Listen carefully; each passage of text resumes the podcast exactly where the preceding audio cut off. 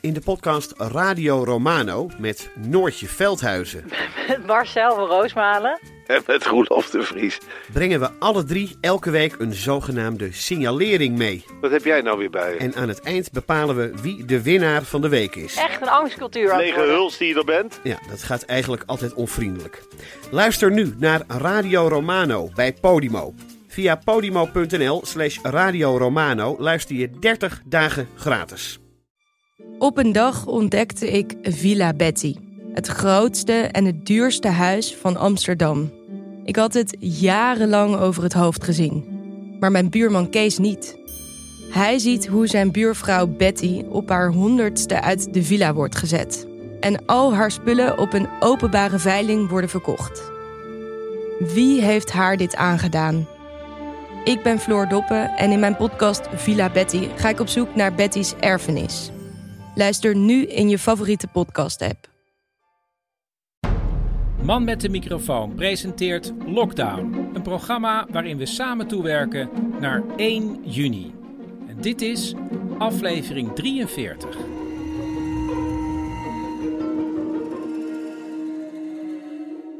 Chris, we moeten nog een inleiding opnemen. Ja, we moeten een inleiding opnemen en jij hebt iets eh, wat je al bijna weer vergeten was. Maar toen zei ik, nee, je hebt het opgeschreven. Ja, nee, ik was vergeten dat we überhaupt die inleiding Ja, moesten op. Maar toen zei, zei inleiding, dacht ik, oh ja, want ik wilde graag hebben over iets wat ik op een briefje heb geschreven, opdat ik het niet vergeet. En dat ging over... En dat gaat over hoe het in dit huidige leven gaat als je dingen vergeet. In casu, ehm, ik had een Zoom-vergadering een tijdje geleden. Die was ik totaal vergeten. Maar dan krijg je dus vlak van tevoren een linkje toegestuurd. En dat linkje, da- dan, moet je dus, dan kan je dus... ja, kan je niet kon meer, ik dus... Ja, want kon je niet meer onderuit. je kan dus niet zeggen: Oh, Nee. sorry jongens, dit is helemaal wat stom van mij. Dit kan nu niet doorgaan, want ik ben er helemaal niet. Want je bent er Want altijd. ik ben er gewoon. Ja, Het voordeel is dat je gewoon dus kan doen alsof je dit ook allemaal al van plan was. ja, maar in dit geval zei je... Oh, sorry jongens, ik was het helemaal vergeten. Ja, ik ging het natuurlijk toch dood benoemen. ik ging natuurlijk toch zeggen: Ik wist dit helemaal niet. En hoezo is. En toen zei iedereen ook van: Nee, het was ook niet goed gecommuniceerd. Ah, oké. Nou ja. Maar ja, ik dacht wel: Het is toch eigenlijk gek dat je er dus de hele tijd bent. Nou, het voelde dieper toen ik het bedacht en op het briefje schreef gisteravond. Later kunnen misschien mensen denken... Ja, maar dat bedoelden ze ermee. Precies, dat, Ja, maar en dat Dat bedoelde ik aan ook. de mensen zelf gewoon. Ja, maar het is veel dieper dan het is. Nou, we gaan naar de uitzending. En we beginnen eigenlijk met mijn goede vriend Pieter van Driel. Die is eh, spoedeisende hulparts in het Elisabeth Elisabeth Twee Steden Tweesteden Ziekenhuis Ziekenhuis. in Tilburg. En ik vroeg hem gewoon eh, hoe zijn afgelopen week was. Ehm, ja, ik heb een eh, voor mij eh, best wel gewone week gehad eigenlijk weer. Heb eh, de afgelopen week eh, weer even lekker op de spoedeisende hulp gewerkt. In mijn vertrouwde habitat. En eh, ja, dat was wel weer even thuiskomen en als van ouds. Dus dat was heel ontspannen wat dat betreft. En ehm, ja, ik heb ook een beetje nagedacht, hè, want dat, dat roept deze gesprekken met jou wekelijks dan op. Van oké, oké, hoe was de week ook alweer? Het is wel een beetje, in ieder geval in mijn beleving, de week van de opluchting en de trots ook. Merk ik in het ziekenhuis.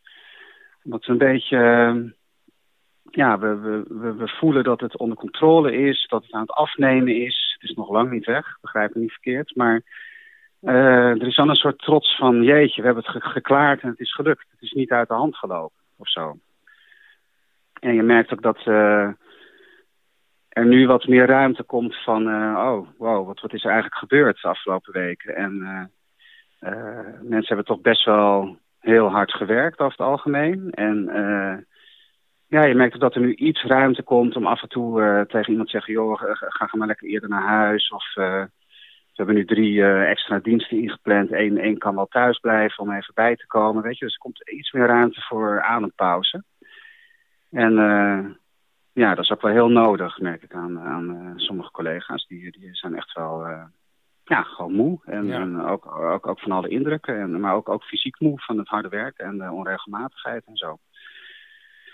Dus ja, en, en dat merk je op de spoed ook. Het is, eh, we zien nog steeds coronapatiënten binnenkomen. Dat zijn er niet enorm veel meer, maar ja, ze, ze komen nog wel. Maar dat is allemaal heel erg onder controle. En ehm, dus, de, dus de gewone patiënten, tussen aanhalingstekens, die komen ook weer meer. Dus dat is ook wel heel grappig. Dus uh, het, kind met de tand in de lip, ehm, de scooterrijder die tegen een auto aanrijdt, de mevrouw met de buikpijn, de gewone klanten zou ik maar zeggen. Dus daar heb ik me de afgelopen dagen vooral druk mee gemaakt. En dat was ook alweer heel vertrouwd en, en fijn om te doen. Kijk, we zijn nog niet, niet gedownscaled naar normale uh, getallen of zo. Hè. We hebben nog steeds veel meer IC-bedden open. Die houden we ook nog achter de hand voor mocht er toch iets gebeuren onverhoopt. Dus wat dat betreft zijn we nog wel met een opgeschaalde situatie bezig. Maar het is gewoon niet meer dat je denkt van... oh, gaat dit goed? Uh, houden we voldoende capaciteit? Nee, dat, dat is echt nu onder controle. En we hebben nu een deel van de IC dus ook weer opengesteld voor gewone operaties. Nou ja, gewoon, ja, gewoon eigenlijk een heel goed bericht, Pieter. Ja, ja dat is echt, echt heel goed bericht, ja. En ik ben me nu aan het voorbereiden op uh, toch weer een avonddienst op de IC. Ik heb... Dus er zijn nog wel extra krachten nodig? Ja, zeker. Ja. Ja, nee, we, we, we gaan dat zeker tot half mei nog uh, voortzetten. En dan uh, evalueren we en kijken wat er, wat er nodig is. Maar we blijven tot half mei zeker nog op de IC doorwerken. Ik denk nog wel langer hoor. Oké, nou, ja. dankjewel. Ja, eigenlijk wel goed bericht. dat is het bericht voor deze week, ja, zeker. Spreek je later dan wel weer. Absoluut, graag gedaan.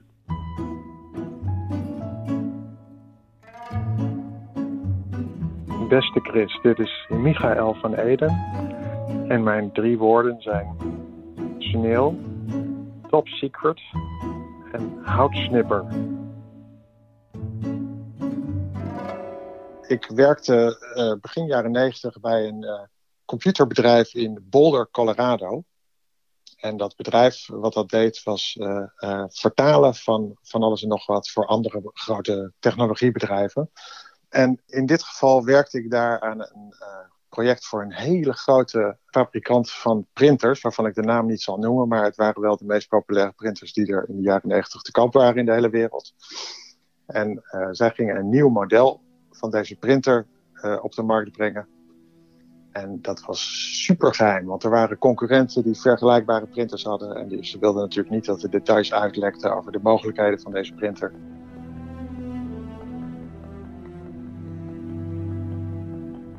Uh, wij begonnen al negen maanden voor de introductie van het model, uh, begonnen wij al aan ons werk. En wat wij moesten doen was, was alle uh, software mededelingjes op de schermpjes van die printers, de handleidingen, alles wat je maar, de accessoires die je erbij kon kopen, alles wat je ervoor kan verzinnen, gingen wij vertalen in alle talen van de wereld. En, dus in het grootste geheim. En dat moest ook van het bedrijf goed beveiligd worden. Zij stelden daar eisen aan. Dus mijn baas had voor tonnen uh, uh, ons kantoor laten beveiligen. Dus er waren overal uh, extra deuren geplaatst in het gebouw. Er waren tussendeuren. We konden ook niet meer, zoals we dat normaal deden, naar collega's lopen om even te overleggen. Want wij mochten dan die zone niet in. Dus top secret.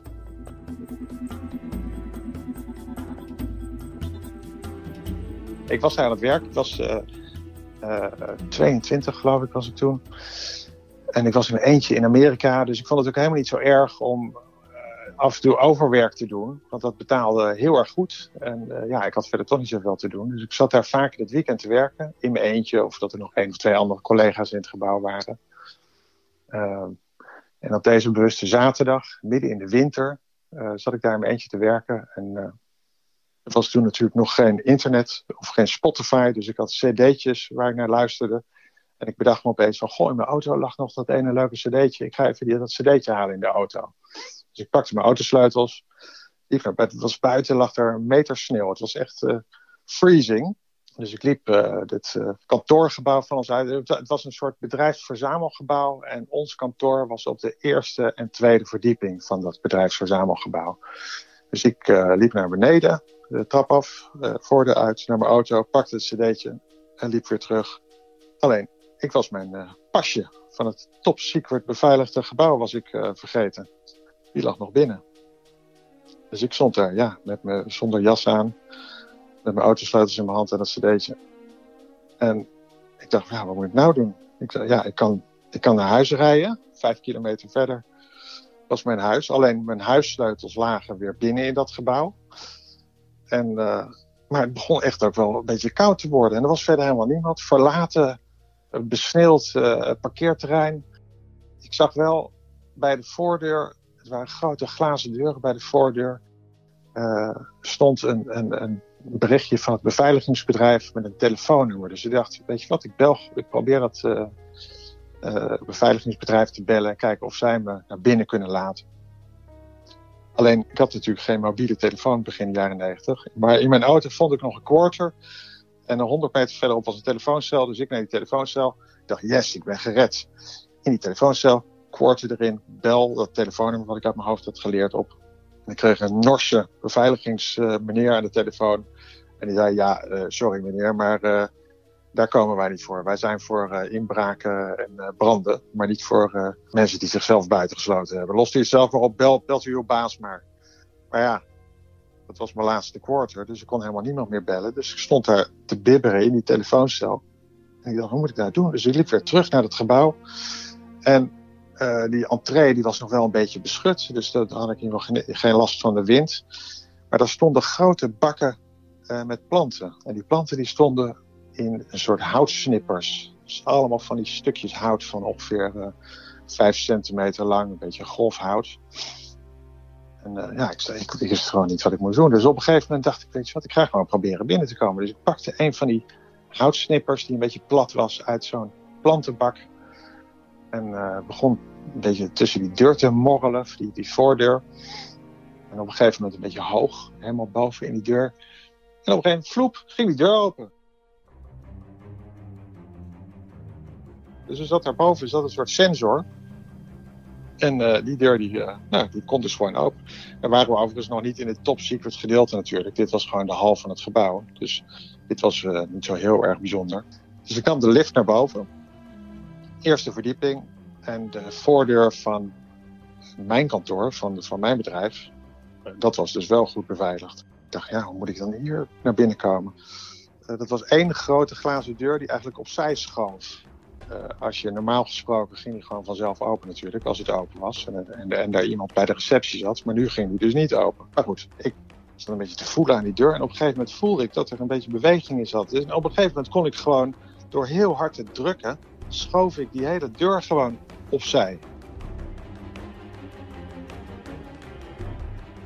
Dus nou, dat was de tweede deur. Dus uh, ik stond in mijn eigen kantoor en ik had zoiets van, wauw, dit is echt te gek, het is me gelukt. Maar ja, ik was nog niet bij mijn eigen bureau. Daarvoor moest ik nog door twee deuren heen. Die kreeg ik ook weer met een houtsnipper open. Dus ik was gewoon met die houtsnipper gewoon helemaal mijn kantoor binnengekomen.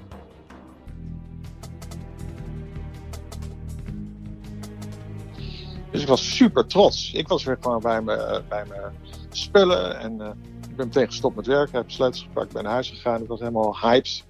En maandagochtend, het eerste wat ik deed, was trots naar mijn baas gaan. En ik zei uh, van, nou, wat ik nou heb meegemaakt. Ik was zaterdag aan het werk en ik was buitengesloten. En ik ben met deze houtsnipper, die had ik bewaard. Met deze houtsnipper ben ik alle deuren doorgekomen.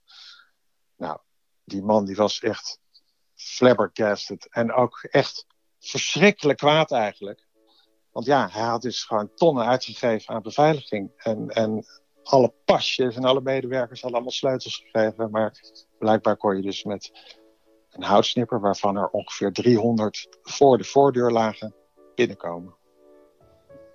Hij zei tegen mij dat ik dit nooit aan niemand mocht vertellen. En dat heb ik ook, uh, zeker toen ik daar bij het bedrijf werkte, heb ik dat ook echt aan, niemand verteld. En uh, ja, nu vertel ik het wel.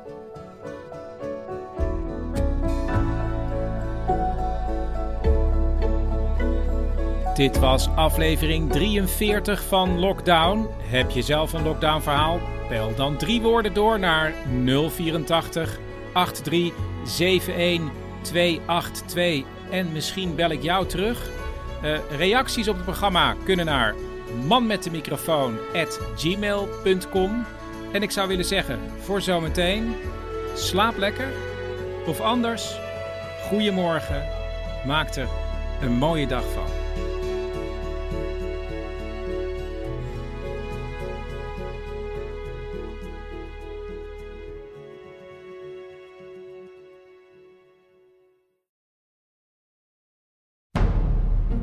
De microfoon presenteert Lockdown, een programma waarin we samen toewerken naar 1 juni. En dit is aflevering 44.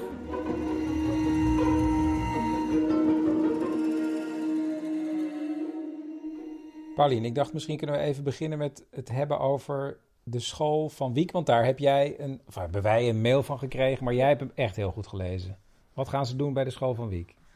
Nou, het begint met Ramadan Mubarak, want het is Ramadan nu.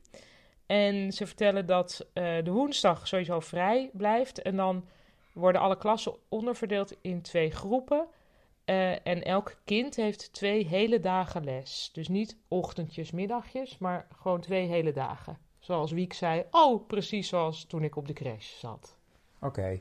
Uh, en het grappige is, ik sprak vandaag een luisteraar, Anne Nie, en zij is directeur ook van een lagere school. Dus ik heb gevraagd aan haar hoe het bij haar ging. Ik ben de laatste hand aan het leggen aan een uh, brief naar de ouders, waarin we, waarin we gaan vertellen uh, hoe we het allemaal gaan organiseren als we weer naar school toe mogen. Want jullie gaan halve dagen doen? Nee, de kinderen komen om en om een dag. Uh, okay. Dus er komt een ploeg op maandag en donderdag en er komt een ploeg op dinsdag en vrijdag. En op woensdag krijgen ze dan, zijn ze vrij is, en krijgen ze een kleine opdracht. Oh, Oké. En hoe zit het met, want daar had ik het gisteren ook met iemand over, hoe zit het dan met broertjes en zusjes? Komen die op dezelfde dag? Ja, ja die komen op dezelfde dag. Je dus snapt is... dat dat een intense puzzel is, ja. uh, want we proberen met ieders belangen rekening te houden. Uh, maar goed, dat doen we, daar doen we ons best voor. En zijn er ook kinderen die het wel nodig hebben om elke dag te komen? Ja, we bieden opvang aan uh, kinderen van ouders met cruciale beroepen. En uh, we bieden ook opvang aan kinderen uit kwetsbare situaties thuis. Ja. En dat gaat nu makkelijker worden, gelukkig. Nou, dat is niet helemaal oh. waar. Want als die kinderen in de A-ploeg zitten en ze moeten op een andere dag opgevangen worden, dan mogen die kinderen niet gemixt worden oh, met echt? kinderen. Jazeker. Oh. Dus uh, ja, het is, het is echt niet heel erg simpel. Ah. En nu zijn jullie met een soort logistieke puzzel dus bezig. Ja, en ook met uh, hoe doen we het inderdaad met de sopjes en de doekjes en uh, uh, nou ja, dat soort zaken. De schoolfotograaf en het schoolreisje, wat allemaal nu niet door kan gaan, maar op een ander moment allemaal moet gaan gebeuren. Ja, goh, spannend. En gaan jullie wel op 11 mei open? Ja, zeker. En daar kijken we ontzettend naar uit. Nou, het blijkt dus dat het op dezelfde manier gaat, Pauline, bij Anne op school, met die dagen. Nou, en we hebben ook echt zo'n schattige foto gekregen van alle leerkrachten van onze school. Die dan elk een woord op een soort leuke, kunstzinnige manier op een papier of iets hebben geschreven. Dat ze super trots zijn op de kinderen en op hun ouders. En nu een heel fijne meivakantie. En dan zie je, ja, wat een ontzettend leuke mensen dat allemaal zijn. Ik vind echt, ik zou zo met ze op, allemaal, allemaal op vakantie willen. Zij waarschijnlijk niet met ons, maar... Ja, kortom, Echt we gaan de vakantie in en dan gaat Wiek weer naar school. En we beginnen nu met de uitzending.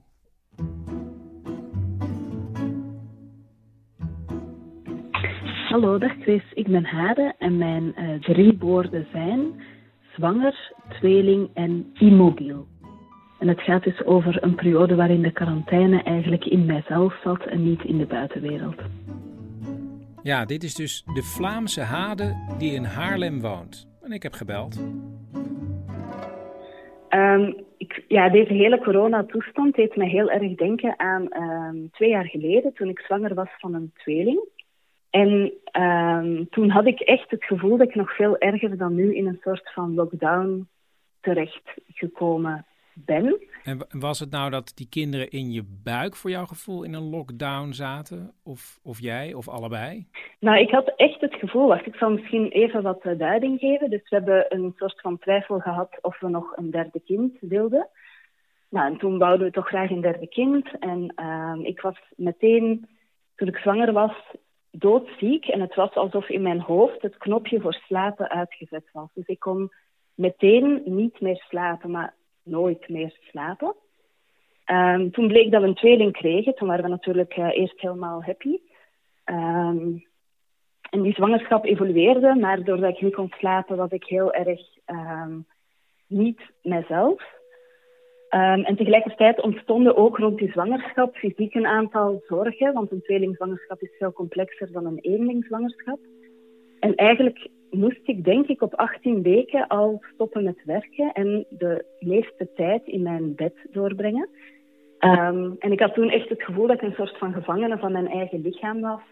Ehm, en dat natuurlijk die twee baby's er belang bij hadden dat ik daar gevangen in bed ehm, de dagen zat uh, ja, eigenlijk uit te zitten. Nog even over dat slapen, want als je niet slaapt, het is toch verschrikkelijk? Wat, wat deed dat met je? Het niet slapen, um, dat leek een soort technisch iets in mijn hoofd, maar uiteindelijk kwam daar ook heel veel paniek bij. Want uiteindelijk um, dacht ik elke avond al van vannacht moet ik echt slapen, want als ik nu niet slaap, dan word ik gek. En doordat je dan het idee hebt, nu moet ik echt slapen, dan kan je natuurlijk helemaal niet meer slapen. En ik werd ook gek. Uh, en dat is zo ver gegaan dat ik op een bepaald moment naar mijn uh, huisdokter moest. Uh, ik kon ook niet alleen de deur uit door mijn fysieke toestand. Uh, dus mijn man had mij naar de huisdokter gebracht en uh, ik moest daar even wachten in de bibliotheek um, op de bovenste verdieping. En ik had toen plots de gedachte dat ik uit het raam wou springen daar. En dat was echt heel heftig, want ik wou heel graag zwanger worden en ik wou heel graag die baby's. Um, en ik had in mijn leven niks om over te klagen, bij wijze van spreken. Dus toen heb ik die gedachte ook aan mijn dokter uh, verteld. En dat heeft ertoe geleid dat ze mij ook hebben uh, opgenomen op de psychiatrie. Waar ze eigenlijk ook niet echt iets konden doen voor mij. Want ik wou geen slaapmedicatie nemen, omdat dat ja, slecht is toch als je zwanger bent. Um, en ik wou echt heel graag dat de baby's goed ter wereld kwamen. En dat ik mezelf achteraf geen verwijten moest maken dat ze misschien te klein zouden zijn of een bepaalde aandoening zouden hebben doordat ik medicatie had genomen tijdens de zwangerschap. Dus dat wou ik echt niet. Dus lag ik in de psychiatrie in Amsterdam ook in een kamertje. En toen bleek dat dat eigenlijk het enige was wat ze mij konden bieden, namelijk bescherming en um, ja, pogingen om mij medicatie te geven. Toen heb ik besloten dat ik daar niet wou blijven. En toen is er ook een soort traject opgestart dat er een crisisdienst uh, elke dag bij mij thuis kwam om te kijken of het, uh, ja, hoe het met mij ging. En ik ben van nature geen depressief iemand. Um, maar het feit dat ik niet kon slapen en dat dat echt totaal onmogelijk was. En dat je daardoor heel veel uren in een dag hebt die je gewoon probeert uit te zitten en je mentaal ook enorm afgevlakt geraakt. Daardoor ben ik wel echt, uh, echt extreem depressief geworden.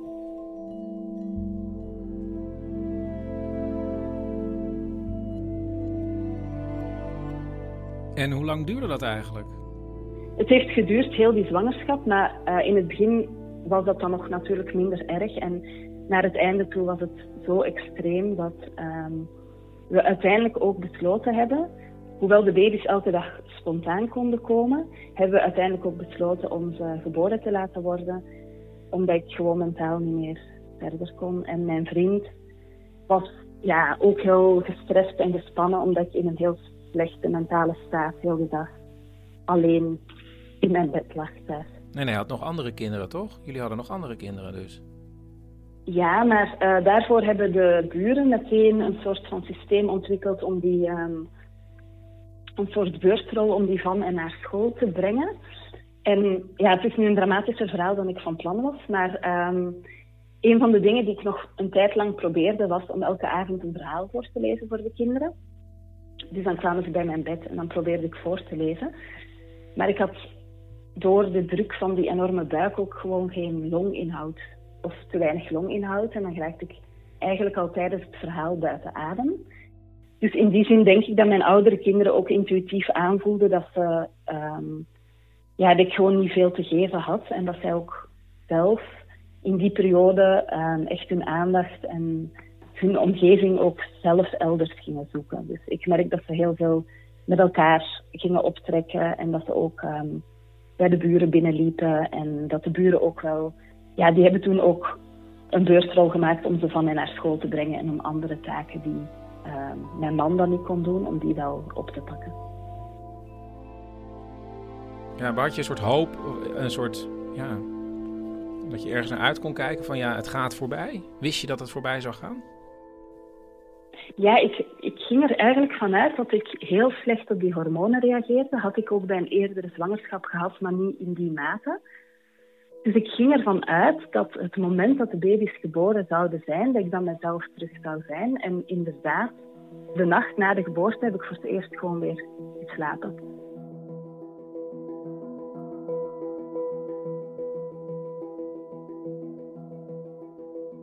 En ik wist eigenlijk min of meer dat dat ging komen. Ehm, en ik weet nog dat we tijdens de zwangerschap vaak gesprekken hadden dat mijn man vroeg van... Uh, als je dit had geweten, zou je dan nog dit gewillen hebben? Zou je dan wel nog een kindje gewillen hebben? En dat ik eigenlijk tijdens mijn zwangerschap, in die slechtste tijd, dat ik heel zeker wist dat ik, ja, dat ik daar nee op moest antwoorden, dat het mij dan niet waard was. En dat is heel taboe om dat te zeggen. En ik weet ook dat er heel veel mensen zijn die niet zwanger kunnen worden en heel graag dat er allemaal bij zouden nemen om toch een kindje te krijgen. En dat begrijp ik echt allemaal.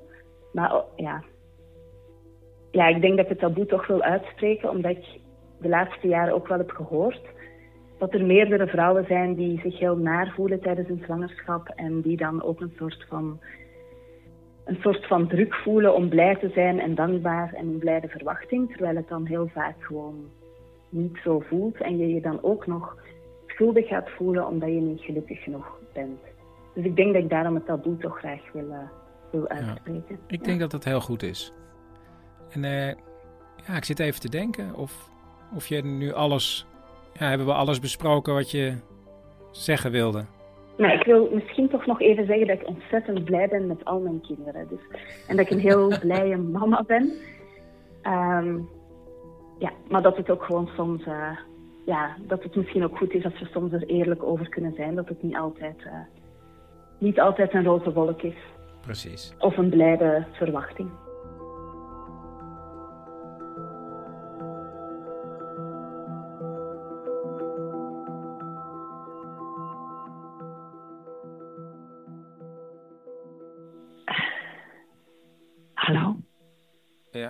Goedemiddag. U spreekt met de man met de microfoon. U had ingebeld op de voicemail. Sorry, ik was, uh, ik was even in een gevoelig gesprek. Oh, sorry. Oh, oh, als het ongelegen komt? Nee, nee, nee, nee. Wacht, wacht maar even. Kan ik zo even verder praten? Dat ik even met meneer bel? Ik kan ook later bellen. Hallo? Nee, nee. Nee, nee, het kan. Ja, het kan. Het is goed. Ik zet het andere gesprek later voort. Het is, het is oké, het is in orde. Met wie was u aan het praten? Ja, uh, jij gaat nou denken, die vrouw is gek, maar ik eh, was net even aan het praten met de Gusterhaag. Hè? ja, precies. Ja, die reactie dus. Kijk, wat mensen zich niet realiseren is uh, dat de natuur deze crisis veel meer ruimte krijgt. Je hebt het zelf wel gezien, denk ik. Toch? Coyotes die door de oh. stad lopen, krokodillen in pierenbadjes. Uh, en dan, dan wordt voor ons als mensen ineens duidelijk... hé, hey, hey, wij zijn helemaal niet de baas op de aarde. Nee, de natuur is de baas. Oké, maar dan snap ik nog niet helemaal hoe je dan met een ligusterhaag kunt praten. Ja, nee, ja. Het zijn heel eenvoudige gesprekjes hoor. Je moet je daar geen hoog intellectueel niveau bij voorstellen. Maar het is nou eenmaal een feit dat dat al dat menselijke geluid, al dat gedoe, als dat even naar de achtergrond verdwijnt, dan, dan, dan horen we de natuur ineens veel meer. Hoor jij niet ook meer vogels? Ja, ja maar, maar vogels maken wel uh, geluid? Ja, oké. Vogels maken, die maken hard geluid. Maar, maar planten die maken op hun niveau ook geluid hoor. Het is, wel, het, ja, het is een kwestie van jezelf voor openstellen. En, en hoe, hoe doe ik dat dan? Heel stil naast een plant gaan zitten heel stil. Echt heel lang stilzitten. Gewoon echt heel lang stilzitten. Oké, goed. Ja, en, en dan? Ja, en dan die hele en dan houding uitzetten natuurlijk. Dat, dat moet jij eerst leren. Kijk, in de natuur is het niet zo van, ja, hoor wat, hoort wat. Nee, nee het is niet, uh, ik ga naast een plant zitten en dan gaat hij praten. Nu, nee, nee. Je moet totaal verwachtingloos afwachten. Oh, Oké. En, en als dat lukt, ja, wat zegt een plant dan bijvoorbeeld? Nou, um, de ligusterhaag die zei bijvoorbeeld net, ik heb dorst. En toen zei ik, ik ga zo water voor jou halen. Nou, toen zei de ligusterhaag, dankjewel Elsbeth. En toen zei ik, is er verder nog iets wat ik voor jou kan betekenen? Nou, en toen belde jij. Dus daar schrok de Ligusterhaag wel een beetje van. En ik ga later vanmiddag kijken of ik het gesprek voort kan zetten. Hebben, hebben planten ook verschillende karakters eigenlijk? Die, ja, die ligusterhaag lijkt me wat, wat schrikachtig. Tuurlijk, tuurlijk. Nou en of. Kijk, die Ligusterhaag die is, die is heel pijnlijk verlegen. En dan zie je ook dat hij zich totaal laat overschaduwen door de iep die ernaast staat. En dat geeft, ja, dat geeft natuurlijk toch wrijving. Iepen zijn sowieso uh, zijn vaak schreeuwers hoor. Ja, nou ja, kijk, ik wil het niet om te generaliseren, maar ik, ik ken heel veel iepen die de hele tijd heel schreeuwerig hun eigen agenda aan het pushen zijn. En fake nieuws verspreiden. Dat is heel vervelend. Maar ja, kijk, ja, wat doe je er tegen? Ja. Vindt u de natuur eigenlijk rustgevend? Nee. Als je echt naar de natuur luistert, hè, dan bedoel ik ook echt, ja, luisteren, dan, dan is de natuur doodvermoeiend. Ja. Ik ga ook wel eens met mijn noise cancelling koptelefoon in de tuin zitten. Dan zeg ik, hé hey, jongens, uh, de groeten, jullie zoeken het zelf maar uit. Want ja, dat moeten ze ook leren natuurlijk, hè. Ik, ik ben de bediende niet, kom op. Nou, ja, sterkte dan maar. Ja, ik kom er zo aan. Wat? Sorry, sorry, het gas, uh, het gas roept me. Ik moet er nou even heen, ja? Oké. Okay. Ja, Dag.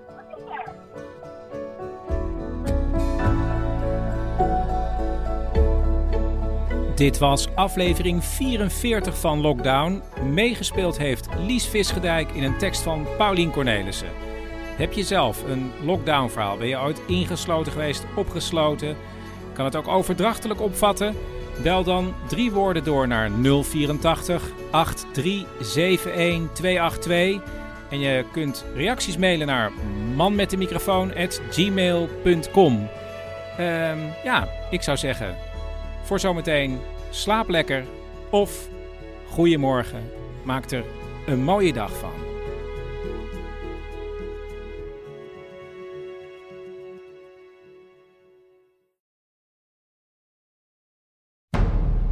Man met de microfoon presenteert Lockdown. Een programma waarin we samen toewerken naar 1 juni.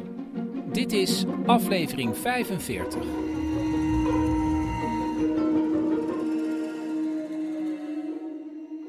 Paulien, uh, jij was gisteren in de Radio 1 studio. En het voor een nachtprogramma. Eigenlijk ja, vandaag. Het was dus eigenlijk vandaag. Ja, want je bent helemaal kapot, want het was s'nachts. Oh, ik ben zo kapot. Door corona heb ik natuurlijk helemaal geen rock'n'roll leven meer. Dus gaan we best wel vroeg naar bed. Heel vroeg. Een keer. En uh, staan we gewoon gezond vroeg op. En doen we allemaal gezonde dingen. En heb ik nooit meer dat ik om twee uur s'nachts uit een of ander theater thuis kom. Dus nu moest ik van 12 tot 1 in Hilversum zijn. En daarna nog terug naar huis. Nou, ik was completely van de leg. Ja. En nog steeds eigenlijk. Ik denk, wat is er gebeurd? Maar je ging iets over handgel zeggen, of niet? Ja. Maar ik ben dus nog steeds super moe, dus ik ben Daarom moet ik je even richting de handgel duwen. Ja, de hele Radio 1-studio, de hele landelijke voorraad van handgel... Die is bij Radio is gelokaliseerd. die is bij Radio 1. Er staan er allemaal een soort van plexiglas schotten tussen mensen. En, maar in elk compartimentje, dus een grote tafel die dan in bijvoorbeeld zes delen is opgedeeld. In elk compartimentje heb je dan dus weer handgel en alcoholdoekjes. En, en je kan ook nog kiezen wat voor handgel. Ik dacht echt, moet ik wat meenemen voor de verzorgingstehuizen? Was dit het? Um, even denken. Ik vind het wel goed. Iets over handgel. Er is gewoon heel veel handgel bij Radio 1. Ja, maar ik vind dat het takeaway van hiervan ook moet zijn van mensen. Je ritme is echt anders in deze tijd. Ah, oké. Ja. heel goed. Heel goed, heel goed punt. je bent ook gewoon heel moe. ik denk dat we gewoon heel snel gaan beginnen. Ik heb allereerst even met Teun gepraat. Teun had een hele grote achterstand op school. Leverde zijn opdrachten niet in. Uh, daar was alarm over geslagen. En sindsdien zit Teun gewoon naast mij te werken. En ik dacht, we doen weer even een update. Teun, ik neem dit even op. Oké. We hebben al een hele tijd niet, ja, niet gesproken in de podcast. Ja. Maar hoe gaat het nu, Teun? Ik heb aan dingen gewerkt. Um, ik kom langzaam terug. Maar je zit echt, uiteindelijk zit je best wel braaf naast me. Mhm. En ook de afgelopen week. Maar er was op een gegeven moment een tegenslag. en dat was biologie. Ja. Vertel. Nou, die zag ik al aankomen. Het was namelijk gewoon een opdracht die ik niet had gedaan. Ehm, maar ja, ik weet niet. Toen was het een? Toen was het een 1. Ja, en het was ook nog een, zelfs een cijfer wat telt voor je... Je zit in de vierde, maar het, op een of andere manier telt het ook al mee voor je eindexamen. Ja. maar, eh, weer met de mentor gesproken. Waar moet je lachen? Ik, weet, ik had weer een heel... Ik had dus met de mentor weer gebeld, maar ik, ik begreep er helemaal niks van. Ik, in, ik was ook een beetje moe. ik had niet zo goed geslapen, dus het was niet echt het goed moment om dat gesprek te hebben. Wat ging er niet goed? Ik wou zeggen, I felt like giving up. Ehm, maar dat kon ik niet zeggen, dus ik, zei- ik, ik- ik- dus ik zei, ik wou opgeven. Dat ik me zo voelde. Maar toen zei ze, nee Teun, dat wou je niet. Ehm, of zo, het was heel verwarrend. Zo van, dat wil je niet echt, want wat wil je echt? Ehm, maar dan ging ze weer, ik weet niet, het- ik vind het zo moeilijk dat soort gesprekken te voeren. En, maar ze zei, want ze wilde eigenlijk horen, ik geef niet op. Ja, ik weet niet. Het was één groot monoloog van haar. Maar ik, ik, heb, ik heb wel de belangrijkste punten eruit gehaald. Dus dat denk En wat ik. zijn de belangrijkste punten? Ehm, nou, ik heb één ding onthouden. Of twee. Nou. Eh, het is mogelijk. Drie. Ik geloof in je. Ja. Eh, het is mogelijk, ik geloof in je. En als er iets is, bel me dan. Of stuur me een bericht. Of laat me het weten. Vorige keer zei je tegen jezelf, Teun, je kan het. Echt waar? Ja. Oh. ja, ik weet niet. Eh, het, het kan wel. Ik denk gewoon gestaag. Ja, zeker. Dankjewel. Geen probleem. Er zijn natuurlijk ook mensen in deze periode, bijvoorbeeld 25 jaar getrouwd. Ja, en hoe gaat dat dan? Ik dacht, ik bel eens iemand op die vandaag 25 jaar getrouwd is. Hey, Hey zus, goedemiddag. goedemiddag. Van harte gefeliciteerd. Dankjewel. Dankjewel. En ook fijn dat jij er al 25 jaar getuige van bent. Precies, ja. Ja. Ongelooflijk. En ik neem het meteen op, dit. Oh. Ja, Nou. ik denk, mensen denken misschien, heeft hij nog broers of zussen? Dus Hij heeft zus. nog een zus. Ja. Ja. dit is de zus. Dit is de oudere zus. Ja, Ja. en je bent 25 jaar getrouwd vandaag. Ja. En jij was mijn getuige 25 jaar Ja. geleden. Dus ja, ik zou zeggen, als je een succesvol huwelijk wil hebben, moet je mij als getuige oproepen. Ja, precies. Ja. Ja, en het gaat nog wel even door. Ja. Maar eh, hoe heb je het gevierd? Want ik was er niet bij vandaag. Nee, hij was er niet bij. Dat was natuurlijk heel jammer. Nou, ik had wel echt een, bij eh echt patisserie hier een, een bruidstaartje besteld. En toen eh, ben ik naar papa en mama gegaan. Eh, en de jongens waren er allebei. Dus wij waren als gezin compleet. En, ehm, en de moeder van Joost, die kwam ook. Want het fijne van mama's tuin is natuurlijk dat je om het huis kan lopen. Dus je hoeft helemaal niet naar binnen. Dus het was wel een beetje fris. Dus we zaten met truien aan in de tuin. Maar hartstikke leuk. En mama had eh, vlaggetjes opgehangen en bordjes gemaakt met Ja, ja, Marijke ja, ik kreeg Joost. foto's opgestuurd. Van, Echt heel ja, schattig. Ja. Ze had het bordjes met jouw naam en die van Joost opgehangen. Ja, dat was echt heel, heel lief. Nee, dus dat was echt gewoon echt even heel erg gezellig. En eh, nee, super. Echt heel leuk. En eh, heel veel bloemen ook gekregen. Dus we zitten hier ongeveer een ware bloemenwinkel geworden. Maar echt heel feestelijk. Nou ja. Ja, dus dat is het. En, en eh, we, halen strakjes eh, eten op bij een restaurantje hier in de buurt. En dat is Ah, het. dat is toch, het- En het wordt wel toch weer een dag om nooit te vergeten. Het wordt absoluut een dag om nooit vergeten. Ja. Ja, deze klokken die slaan niet meer op het huwelijk van mijn zus hoor. Maar die, gaan, die passen bij het volgende verhaal. Van Anne Nie, de basisschooldirectrice die je gisteren hoorde. Want ja, dit is het verhaal wat zij mij vertelde. Even met kerstmis, begin met kerstmis. Ja, ehm, nou, het was midden jaren zeventig en we, ik was met mijn vader en moeder en zusjes op vakantie in Zuid-Frankrijk. En daar gingen we vaker naartoe omdat mijn ouders en al mijn tante eh, daar een gemeenschappelijk huis hadden. En als we daar dan met de kerst naartoe gingen, dan was het daar over het algemeen heerlijk weer. Echt korte broeken, korte mouwen, dagenlang buiten.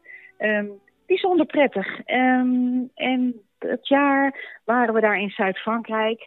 En eh, eh, mijn oom en tante waren inmiddels weer naar huis. En op een dag stond er opeens een Franse gendarme voor de deur. Ik klopte aan, keek zeer bedrukt, en het nieuws dat hij bracht was ook echt heel verdrietig. Een tante van ons was gestorven. Vrij plotseling. Uh, het was 1200 kilometer naar huis en mijn ouders besloten. Ze wilden zo snel mogelijk terug naar huis. Um, dus ze pakten alles in, um, maakten het huisje vertrek klaar. En de dag erna zouden we vertrekken voor de rit van 1200 kilometer. En daar deden we dan ongeveer anderhalve dag over. We maakten altijd een overnachting. Uh, dat was altijd ook gezellig en bijzonder om in zo'n Frans hotelletje te overnachten. Nou, de stemming in huis was bedrukt, zoals je kunt voorstellen. En toen we de volgende ochtend opstonden, toen was er iets onvoorstelbaars gebeurd. Wat in 30 jaar nog niet was voorgevallen. Het had gesneeuwd. En niet een beetje sneeuw, het had echt verschrikkelijk gesneeuwd.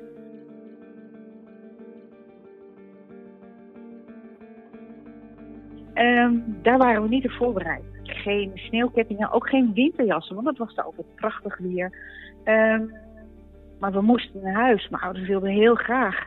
En uh, we zijn in de auto gestapt en gaan rijden. Maar al snel bleek dat de autoroute uh, afgesloten was. Omdat er te veel sneeuw lag. Dus we waren aangewezen op de N-route, de route nationaal.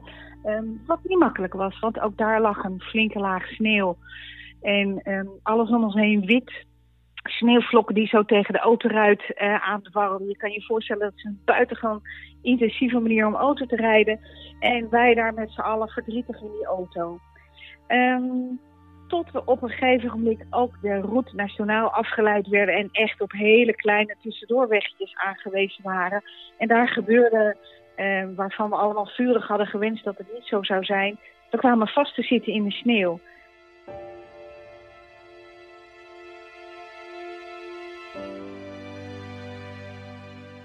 Natuurlijk was het ook in de middle of nowhere. Er was in de verste verte geen boerderij of huis of maar een Franse kroeg te vinden. En daar stonden we. En mijn vader liep om de, auto heen en duwde en trok. En er was geen beweging in te krijgen. Hij gaf gas en dan hoorde hij dat met van die slippende wielen. Um, daar zaten we. We konden geen kant op. We waren totaal niet voorbereid op dat weer. We waren er niet op gekleed. En um, mijn vader ging weer in de auto zitten, zuchtte diep. En wij voelden allemaal als vier dochters... dit is niet het moment om grapjes te maken of om te lachen. We zitten echt in de problemen.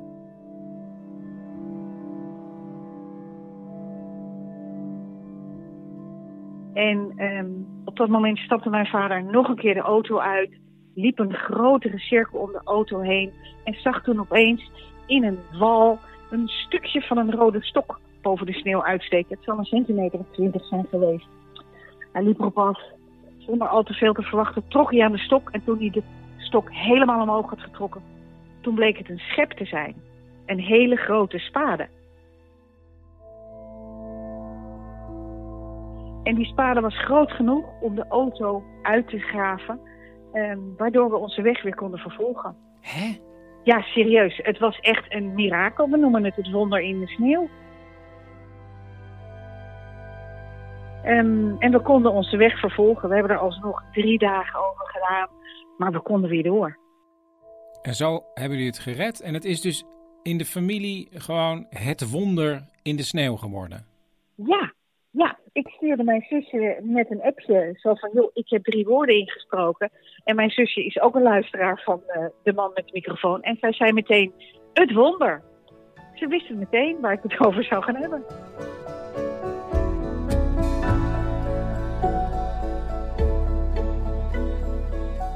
Dit was aflevering 45 van Lockdown. Heb je nou zelf een lockdown verhaal? Dan kun je drie woorden doorbellen naar 084 83 71282. Reacties op het programma kunnen naar manmetdemicrofoon@gmail.com. En ik zou zeggen, voor vanavond, voor zometeen, slaap lekker. Of goedemorgen, maak er een mooie dag van.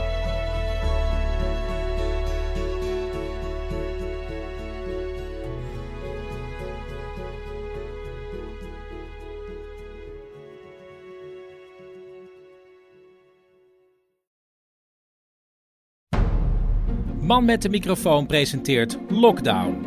Een programma waarin we samen toewerken naar 1 juni. Dit is aflevering 46. Chris, ja, ja, je moet meteen even iets zeggen, toch? Ja, ik heb een fout gemaakt. Een fout. Ja, een fout. In de aflevering van gisteren. Ja, maar nou, wat is er gebeurd? Nou, in het allerlaatste verhaal hoor je een familie die terug moet uit Zuid-Frankrijk. Maar wat weggevallen is, is dat ze terug moesten omdat een tante was overleden. Dus dat is vrij uh, belangrijke informatie. Mhm. Mocht je nou de oude versie nog hebben, dan kan je die weggooien en een nieuwe versie downloaden. Want nu staat de goede versie uh, online. Nou, heel goed gedaan, Chris. Volgens mij moet je snel uh, doorgaan en een zin beginnen die je al wilde inspreken. Die begint met: Het leek me eigenlijk wel fijn. Oké, okay, doen? Begin maar. Het leek me eigenlijk wel fijn om één dag in de week een weekenddag te hebben. En dat is deze dag. Uh, en daarom heb ik uit het archief van Man met de microfoon een verhaal wat past bij de lockdown-verhalen. Uh, ik wil namelijk iets laten horen waar. Uh, het is een verhaal van iemand die eigenlijk gevangen zit in een relatie die nog niet eens een echte relatie is. En het verhaal komt uit aflevering 9 van Man met de microfoon. En dat had als thema muziek. Nou, ga maar luisteren.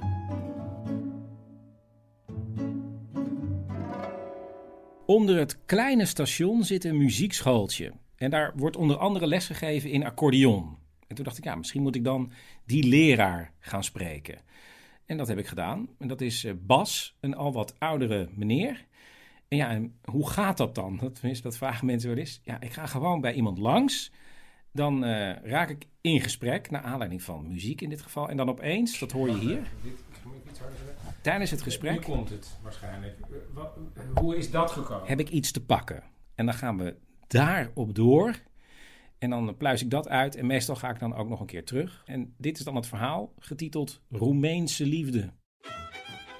Dit verhaal begint begin jaren 70, wanneer Bas eindexamenkandidaat is en verslingerd raakt aan Bulgaarse en Roemeense volksdansmuziek. En zo begint het. Uh, dat kwam via de Vondelparkfeesten. In, in mijn eindexamenjaar heb ik, ben ik daar geloof ik voor het eerst naartoe gegaan. In in de zomer waren daar uh, optredens in het Vondelpark waar je gratis, hè, open lucht. En dan waren er allerlei buitenlandse ensembles met uh, muziek en dans. En ik was heel erg weg van de, de Roemeense en Bulgaarse optredens. Ik ben dat programma in de gaten blijven houden. En uh, alles wat daarna kwam aan Pools en zo, dat was al, allemaal veel minder. Het moest echt dat Roemeens of Bulgaars zijn. Dus dat waren ook mijn uh, eerste grammofoonplaten. En uh, Roemeens, je had die, die beroemde panfluitist, George Zamfir. Dus daar... Bulgaars en Ik heb trouwens vroeger panfluit gespeeld, hè? Over, oh. George Zamfir gespeeld. Ja, oh. ook les gehad. Ja, van een Roemeen. Oh. Ik sloeg dus ook heel erg aan op die panfluitmuziek van George Zamfir, die ze Mm. ook gebruikten in Hoog Katerijnen om de junks rustig te houden. Mm. En dan een doina zeker, want dat is uh, geen, geen jok de dooi. Wat, ja, ik weet niet, maar... Do doina is een heel rustige, Ja. rustige muziek. Chris, ja. Ik, ja, ik denk toch dat je even heel kort moet vertellen over jou. En ja, je bent ook een beetje dus nu de man met de panfluit. Ja, leg uit. Nou ja, ehm, het schijnt, en ik kan het me ook wel een beetje herinneren hoor, dat ik als klein kind urenlang kon luisteren naar een bandje van George Samfir met dit soort muziek. En toen dacht mijn moeder, misschien is dit wel een muziekinstrument voor hem. Dus ze zei, Christian, en wil jij misschien op panfluitles? En allereerst kon ik me dat bandje niet meer herinneren, dus ik wist niet precies waar ze het over had. Bovendien verstond ik palmfluit. Dus ik dacht, het is iets met een palmboom. Dus toen ik voor de allereerste keer naar panfluitles ging, wist ik helemaal niet wat voor instrument er zou verschijnen achter de deur waar we aanbelden. Ah, dat een beetje? Ja, nou, eh, ja, heel goed. En wat heb je eraan overgehouden? Oh ja, nou ja, het enige is dat ik dus heel goed op colaflesjes in een café kan panfluiten. Oké, nou, laat maar even horen. En dan lager, hè? Oké. Ja, en bedankt. Oh, want we gaan weer verder met het verhaal van Bas. Oké. Nadat de 19-jarige Bas kennis had gemaakt met de Roemeense en Bulgaarse volksdansmuziek, gaat het heel snel. Hij stopt met hobo spelen, begint een eigen volksdansgroep en leert al een beetje Roemeens. En wanneer zijn ouders dat ontdekken, nemen zij mee op vakantie naar Roemenië om te wandelen. En dan is daar die bewuste wandeldag met dat groepje van vier. Op die uh, berghelling in een bos op weg naar boven. Mijn ouders waren al teruggegaan, want die vond, en, ik wilde nog een stukje verder. En ik zag dat groepje van vier mensen daar op het pad. Uh, drie drie uh, jonge vrouwen of meisjes en één wat dikker kabouterachtig mannetje.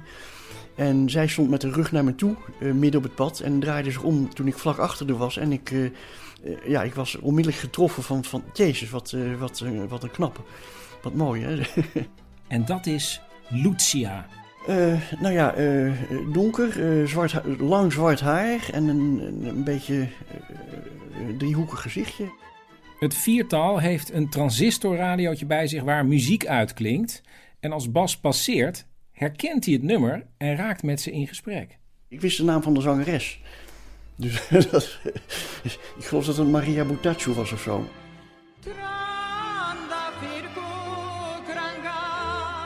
Bas maakt indruk op het groepje omdat hij met zijn basale Roemeense kennis ook nog het nummer weet te vertalen. En samen lopen ze naar de top. Er was, een, ja, er was een gebouwtje daar op de top van die berg en een ezeltje, weet ik nog. Maar ook zo'n uh, zo'n houten uh. En zij pakte van alles uit wat ze in hun rugzak hadden. En ik moest vooral mee eten. Ik werd steeds aangespoord. En maninke, maninke, eet, eet. en... Uh, en toen heb ik, uh, op een gegeven moment ben ik bij de neergeknield en heb ik gevraagd, mag ik je een keer omhelzen? Want ik dacht, uh, dat, dat geen één meisje wil dat van, met mij, maar als ik het uh, netjes vraag, dan, dan staan ze het misschien toe. Want ik denk, ik denk dat vindt een meisje niet leuk, maar misschien denkt ze, ach nou ja, we zien elkaar nooit meer en wat, wat kan het voor kwaad? Maar het mocht. Het mocht en ze is dus meegelopen samen met een zus. Maar die zus die was zo uh, taksvol om bij de bosrand rechtsomkeer te maken. Dus wij zijn in het donker, in het halve donker, ja donker was, was, was al zo'n beetje, wat verder die bergen afgedaald. En hebben toen even een klein vrijpartijtje gehad daar in het natte gebladerte. Dus dat was inderdaad een kus, dat, uh, waar ik ook niet op gerekend had. En dat was de allereerste keer eigenlijk? En dat was de allereerste keer. Tussen ons, maar ook voor mij. Op, op zo'n manier had ik nog nooit een meisje aangeraakt. De volgende dag ontmoeten ze elkaar weer, maar dan bij de ouders van Lucia. En ze geeft hem een boek vol poëzie cadeau. En eenmaal weer thuis in Nederland schrijft hij haar een brief. En tot zijn grote vreugde stuurt ze er een terug. In de eerste brief die ik van haar kreeg liet ze al merken dat het heel bijzonder voor haar was om een brief van mij te gekregen te hebben. Als een kostbaar kleinoot bij zich gehouden en uh, met opzet nog niet opengemaakt en zo, zoiets schreef ze de allereerste keer. Er volgen nog vele brieven en langzamerhand ontstaat het idee om elkaar weer te ontmoeten. Maar Lucia kan natuurlijk niet onder het regime van Ceausescu Roemenië uit. En dus moet hij naar haar toe komen. En dat kan, want zijn ouders gaan weer op vakantie naar Roemenië en zetten Bas af in het dorpje van Lucia om hem twee weken later weer op te komen halen. En eigenlijk mag je ook niet logeren bij iemand, maar omdat de vader van Lucia een vooraanstaand persoon is in het dorp, wordt het door iedereen door de vingers gezien. Enige vervelende is dat Lucia in de weken voor het bezoek is opgeroepen voor militaire dienst en iedere ochtend heel vroeg naar de stad Sibiu moet afreizen en pas laat in de middag weer thuis is. Ik ging elke keer naar het station ging ophalen en zo aan het eind van de middag. En dan, en dan liepen we naar huis. Uh, misschien wel eens hand in hand, misschien ook niet. En dan was zij back af. En de eerste dagen zat ze dus dat, uh, dat militaire kostuum te verstellen, omdat dat veel te groot voor haar was. En latere dagen zat ze, uh, zat ze voor de tv, uh, waar je de boertjes en boerinnetjes met hun volksdansen zag. Want het was een en al folklore op die televisie. En ja, dat vond ik toch niet zo leuk, want daar was ik niet voor gekomen. Maar waarom deed ze dat dan? Maar ja, ze was moe, ging ook vroeg naar bed. soms zonder, zonder mij een teken te geven dat ze verdwenen was. Maar zei ze nog sorry? Of? Nee, nee. En dus zat Bas overdag zonder haar op de boerderij. Uh, God, ik, ik, ja, ik stond op en ik zat dan 's ochtends uh, op, op dat erf zat ik mijn grammatica, mijn Russische grammatica te leren, die ik bij me had voor de zekerheid en waarvan ik gehoopt had dat ik er niet aan toe zou komen, maar ik deed eigenlijk niks anders daar. Uh, ik, ik maakte mee hoe dat, dat vrouwtje, die moeder van haar, zo'n gebogen hoofddoekvrouwtje, hoe die met een kip achter de schuur verdween en dan luid gekakel en, en wat veertjes die in het rond vlogen en even later dan... Een uurtje later was de soep voor mij klaar met eh, vetoogjes en zo. Hè. De, de chorba, de kippen, kippensoep. Ja, dat, dat stelde ze me in het vooruitzicht. In het weekend zouden we een wandeling gaan maken. Maar dat bleek toen een groepswandeling te zijn met een heel stel jongelui. Dus dat was ook weer niet erg romantisch. En na een dag of wat uh, besloot ze maar helemaal naar Sibiu te gaan. Want uh, dat, dat heen en weer reizen was zo uh, belastend. Maar een heel streng iemand zou zeggen dat ze je dan niet zo leuk meer vond. Nou ja, zij zelf hield vol van wel. Maar als er niet heel. En, en af en toe. enige affectie is. Af en toe, ja, ja, af en toe kreeg ik daar wel tekenen van ook. Een, teken van affectie? Ja. Wat is een teken van affectie? Nou, dat ze s ochtends heel vroeg eh, dat is om vijf uur s ochtends uh, even mijn kamer binnenkomt en me eventjes een knuffel geeft voor ze weggaat. Dat is één keer gebeurd. Terwijl ik. Ja, terwijl? Ja, terwijl ik. Uh, nou ja, de, de, rest van de dag verder dan alleen moest zien door te brengen weer. Nou, het, het, eindigde ermee dat, we, dat er nog iets was waar ik hoop op had. We, zouden dan toch nog met z'n tweeën een, een wandeling maken. Uh, maar dan moest ik ergens bij een rivier in een, in een tentje wat ik had op haar wachten. Maar, dus toen heb ik ook eindeloos zitten wachten. En het was heel slecht weer, het was, was regen. En ik uh, ja, steed mijn hoop en er, kwam niemand. En, toen, en wat bleek toen? Dat uh, had gedacht van... Nou, hij begrijpt wel dat het niet doorgaat met die regen. Dus ze was niet gekomen. Degene die uiteindelijk komen zijn zijn ouders. Want de vakantie is voorbij. En die avond zien ze Lucia nog wel in de stad, maar dan reizen ze weer door naar Nederland. En het gekke is, dan pakken ze hun briefwisseling weer op. En dan is hij weer net zo romantisch als daarvoor. En dan, in de loop van het jaar, krijgt hij een paar brieven met de volgende strekking. Uh, nou, ze, ze kreeg kennis aan een, aan een knul daar die, die wel wat in haar zag. Dus uh, tot dan toe was het gewoon Romeo en Julia geweest en de rest van de wereld bestond niet. Had ik het idee, of dat waar is, weet ik niet. Maar uh, op een gegeven moment kwam toch de aap uit de mouw dat ze getrouwd was. En dat was een ceremonietje van niks waar ze bijna meteen spijt van had. Maar toen zat ze aan hem vast. Al snel stuurt ze brieven hoe ongelukkig haar huwelijk is. En ze dringt er bij Bas op aan dat hij bij haar langskomt. Nou, dat was natuurlijk balsem op mijn uh, jonge gekwetste ziel. Want in Nederland liep, liep ik het ene blauwtje naar het ander. En dus schrijft hij haar dat hij naar haar toe komt. En hoewel hij geen geld heeft, verzint hij toch een plan om de reis te bekostigen. Ik heb mijn hobo verkocht. Na een lange reis vol vertragingen komt Bas aan bij de woning in de stad waar ze nu woont. En eh, nou, er werd na mijn geklop en gebel werd er uiteindelijk open gedaan, midden in de nacht. en ik werd binnen, binnengehaald en verwelkomd met, uh, met thee en, en, koffie en wat ik maar wilde eten en drinken en zo. Wie deed er open? Ja, zij, het, allebei, zij en haar man. En die man wist ook dat je kwam? Ik denk dat hij het niet wist, want zij had mij van het station willen afhalen. Dus dat liep helemaal mis. Lucia heeft, hoe, wat daarvan waar is, weet ik niet. Maar die heeft gezegd of geschreven na de hand dat ze, dat ze echt niks door hadden. En dat ze dachten dat het gewoon een soort beleefdheidsbezoekje was. En toen uh, een paar dagen en toen en, ja. en had je nog wel tijd met haar alleen? Nauwelijks. En er gebeurde ook weer niets? Nee, nee. Geen kus nog eraf? Nou, dat nog wel, maar meer en meer niet. En toen, na een paar dagen? Of, Ja, een dag of, uh, dag of acht geloof ik, ruim een week, heb ik het eruit gehouden. En toen weer met de trein terug? Ja, van dit wordt niks. Wanneer is het afgelopen, eigenlijk het contact? Nou, het is een beetje als een nachtkaars uitgegaan uiteindelijk. Maar eh, na, na een paar jaar? Of zo? Nee, na een paar decennia. Je hebt nog decennia lang met haar geschreven? Ja. Ook als, ook als we heel lang niks van elkaar hoorden, als we een jaar niks van elkaar hoorden, we pakten het zo weer op. In de loop der jaren heeft Bas weinig succes op het liefdespad. Lucia blijft getrouwd, krijgt twee kinderen en wordt oma. Bas herinnert zich nog de laatste brief die hij stuurde in 2009. 36 jaar na hun eerste ontmoeting in 1973. Ik heb er nog, eh, nog vragen gesteld over eh 74, van hoe, dat, hoe, dat dan, hoe het mogelijk was dat zij eh, zo weinig aandacht aan mij besteden. Daar heb ik wat dingen over gevraagd en sindsdien nooit meer wat gehoord. Dus ik, eh, ik denk dat ze daar niet zo blij mee was.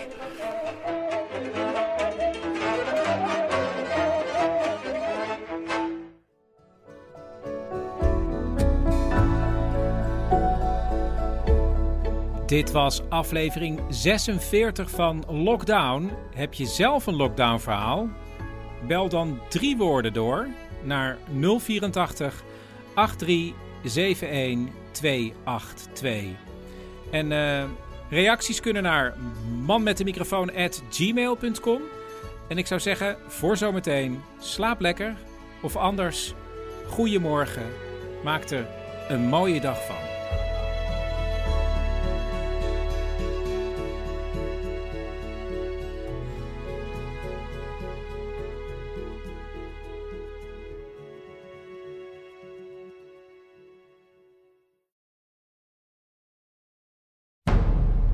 Man met de microfoon presenteert Lockdown. Een programma waarin we samen toewerken naar 1 juni. Dit is aflevering 47.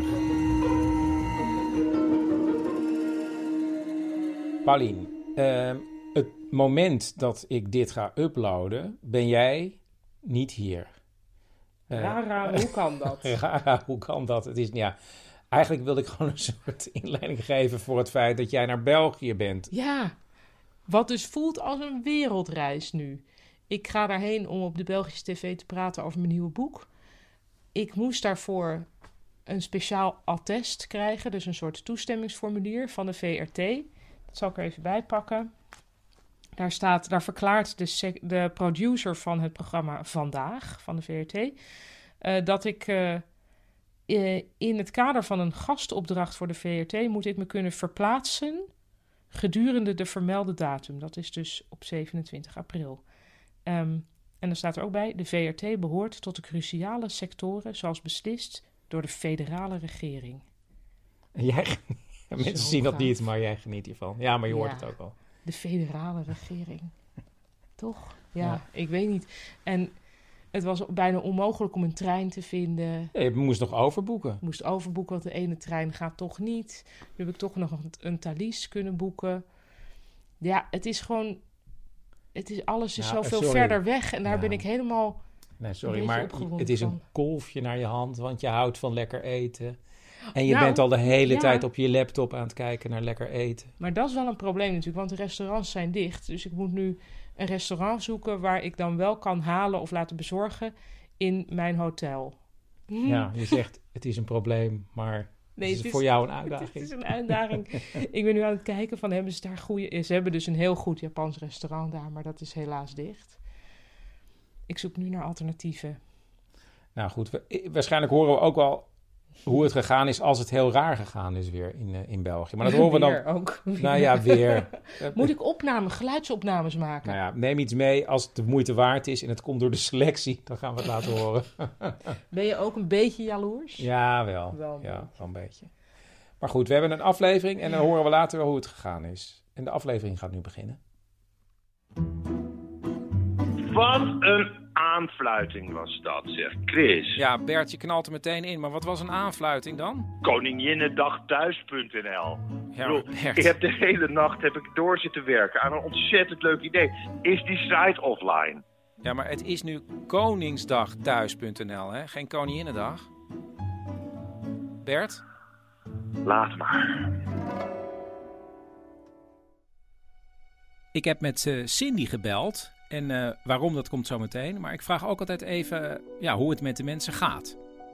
Ik ben alleen en ik woon ook alleen en ik ben ook best wel streng. Dus ik ben ook thuis alleen. Streng voor jezelf? Nou nee, gewoon, ik wil gewoon echt wel de, de richtlijnen volgen, zeg maar. En eh, dat vind ik belangrijk. Ja. En ik merk om me heen dat sommige mensen dat wat eh, ruimer nemen. En dat vind ik lastig, dat wil ik niet. En het gaat heel goed. En vandaag had ik net even vanochtend een mindere ochtend. Omdat ik, ik merk wel dat ik heel erg de, de, de aanrakingen mis. En uh, niet zozeer seksueel, maar meer gewoon even een porretje of even gewoon een, een, hand op je arm. Of bij iemand anders een hand op een arm kunnen leggen even. En uh, daar had ik vanochtend even last van. Ja, gek hè? Dan blijkt opeens hoe belangrijk dat is. Precies, ja, inderdaad. En hoe, hoe belangrijk dat is in de communicatie, dat het iets verzacht of, uh, of dat je iets niet hoeft te zeggen. Nu moet je het eerder benoemen, denk ik ook. Dus dat, dat vind ik wel. Ik had niet gedacht dat dat zo'n groot onderdeel was, maar dat is het dus wel. Ja, Cindy. Cindy is comedian, lid van de Comedy Train en schrijft onder andere ook voor Dit Was Het Nieuws en Sesamstraat. Maar ze wilde ook, ja, Cindy. Ik wilde heel graag uh, nog iets bij mijn schrijfwerk doen, iets wat meer vast inkomen geeft. En uh, ik ga weer lesgeven. Ze gaat weer lesgeven. Ze was namelijk ooit opgeleid tot onderwijzeres, heeft dat werk bijna 20 jaar niet meer gedaan. Maar nu gaat ze na de meivakantie samen met een collega een uh, zwanger iemand vervangen. En wat ik wel heel leuk vond, was dat ik afgelopen dinsdag uh, hadden we de eerste Zoom-meeting met de kleuters zelf dan, zodat ze ons konden zien. En dat vond ik gewoon aandoenlijk, maar ook heel gek tegelijkertijd. Dus dat was wel... Uh... Maar hoe ging dat? Want ik heb één keer met Wiek dat gedaan met zijn klas. Nou, dat was echt gewoon niet te doen met de kinderen. nee. Nou, deze juf had het heel goed gedaan. Want die, uh, ze hadden op deze school sowieso uh, voor alle groepen op elke donderdag en dinsdagmiddag een, een Zoom-moment. En uh, ja, gaandeweg waren ze ook achter dingen gekomen dat de mute-knop bij kleuters bijvoorbeeld heel handig is. Dat de host van, de, uh, van de meeting zeg maar, het geluid van de kinderen aan en uit kan zetten. Heel en goed. ik kan je zeggen, dat is met kleuters best heel handig. Ja. Want ging op een gegeven moment ging ze het moederdagversje oefenen, nadat wij waren voorgesteld en zo. En toen zei ze, nou, doen we het nu allemaal tegelijk. En toen zetten ze alles tegelijk aan. Nou, ik heb echt kapot gelachen. Want er was echt niets wat gelijk liep. De een was met een hond aan het spelen. Bij een ander kwam er een zusje tussendoor. Een ander wilde nog even iets vertellen dat oma uh, nog niet gezien was, zeg maar. Dus het was alles door elkaar heen. Het was echt heel grappig. Maar daarvoor waren uh, Mirjam en ik dus voorgesteld, uh, mijn duo en ik. En dat had ze heel slim gedaan, vond ik. Want... Uh, uh, de kinderen hadden de opdracht gekregen om hun lievelingsknuffel te laten zien. En dan mochten ze uh, uh, hun naam zeggen en dan even zeggen welke knuffel ze hadden. Oh. En juf Marjolein, die dus dan met zwangerschapsverlof gaat, die had ook echt wel de leiding daarover. Dus die zei, nou, die zag dat bepaalde kinderen van, laat me even je knuffel zien. En dat was heel slim, omdat het, sommigen vonden het best wel heel spannend. Maar ja, met zo'n knuffel voel je je natuurlijk toch een stuk veiliger als je ja. ineens twee van die nieuwe juffen ziet. En dat was ook heel leuk, want je hebt meteen ook een leuk gesprek. Hè, van, uh, dat, dat stelde hij allemaal van hoe heet je knuffel en hoe lang heb je hem al of uh, hoe heb je hem gekregen. Er zaten hele leuke verhalen bij. Dus dat vond ik echt wel heel leuk om te zien. En daarna mochten ze keer vragen aan ons stellen. Ja, dat word ik, daar word ik heel blij van. en, en wat vroegen ze dan bijvoorbeeld? Uh, wat is je lievelingskleur? En het jongetje dat het vroeg, dat uh, moest gewoon lachen. Nou, ik vertelde dat mijn lievelingskleur geel was. En toen boog hij een beetje naar zijn camera en zei hij, mijn lievelingskleur is ook geel. En dat was meteen een soort bondje. Dat we, oké, okay, wij worden vrienden. Weet je wel, zo voelt het dan. en, uh, en een van die kinderen, die had blijkbaar gewoon van mijn ouders gehoord dat ik ook op Sesamstraat schrijf. En die vroeg of ik Pino wel eens had ontmoet. Wat ik een hele leuke vraag vond. En, uh... Heb je Pino wel eens ontmoet? Ja. Nee, nee, nou ik wilde bijna zeggen, maar dat kon ik niet zeggen. Ik heb ooit de, de poten van Pino gezien, het pak. Maar ja, dat is een beetje raar om te zeggen. Ja, dat is, nee. Maar ik heb toen wel Tommy in het echt uh, gezien. Dus ik heb verteld dat ik die een hand heb gegeven en dat Tommy toen uh, Poehé zei. Oh, wat goed. Dat vond ik uh, een hele leuke vraag, waar ik vrolijk van werd. Nou, Cindy, ja, ik ben heel benieuwd. Ik Doe je ook. best, geniet nog van de zon ook en zo. En yes, dan, we hebben nog wel contact. Ook. Nou, hartstikke leuk. Dankjewel. Yes. Jo. Dankjewel, hè. Jo, doeg. Doei, doei.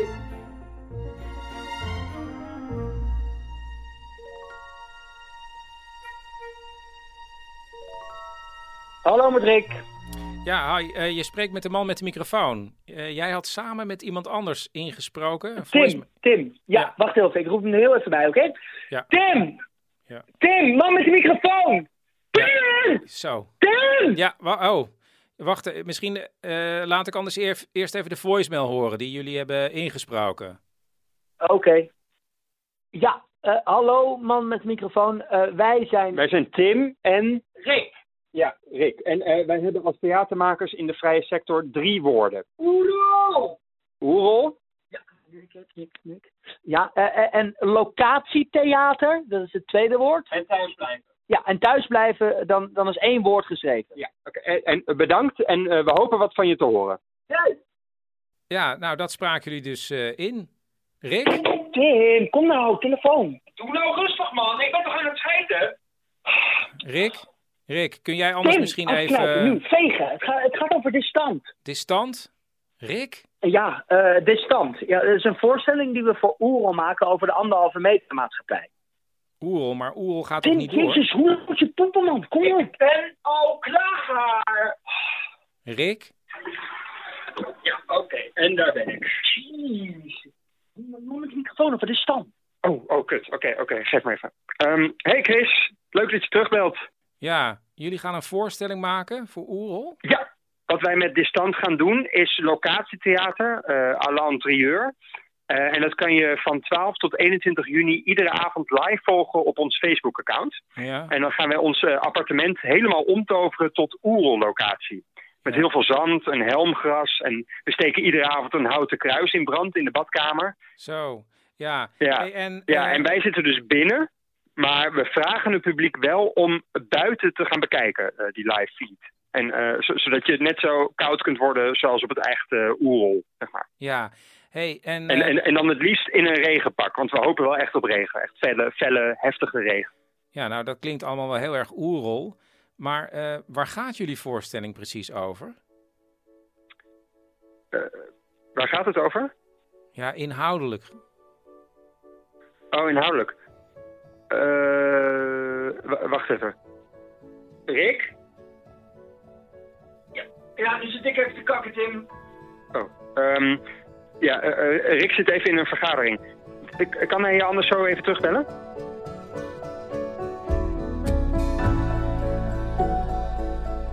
Dit was aflevering 47 van Lockdown. Meegespeeld hebben Bert Kommerij, Daniel Cornelissen en Tom van Kanthout. Heb je zelf een lockdown-verhaal? Ben je ooit ingesloten geweest, opgesloten geweest of buitengesloten? Stuur dan drie woorden door naar het volgende nummer 084 83 282 en misschien bel ik je terug. En eh, ja, mij rest niets anders dan te zeggen voor zometeen. Slaap lekker. Of anders, goedemorgen. Maak er een mooie dag van.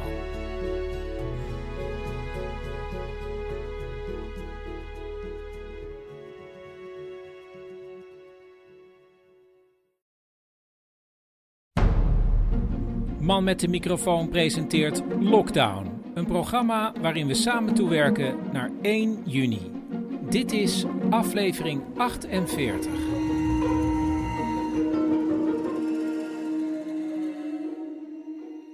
Gisteren konden jullie horen dat Paulien naar België was voor een tv-optreden. En daarvoor had ze toestemming gekregen op een officieel papier om België ook echt in te mogen. En eh, ja, ze had aangeboden om verslag te doen. En eh, ja, dit is dus het verslag van de speciale correspondent in Brussel.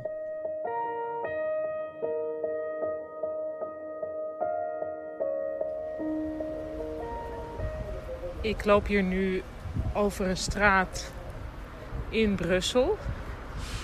Nou, het is redelijk druk, een beetje te vergelijken met Nederland. Ik zie iets meer mensen met mondkapjes.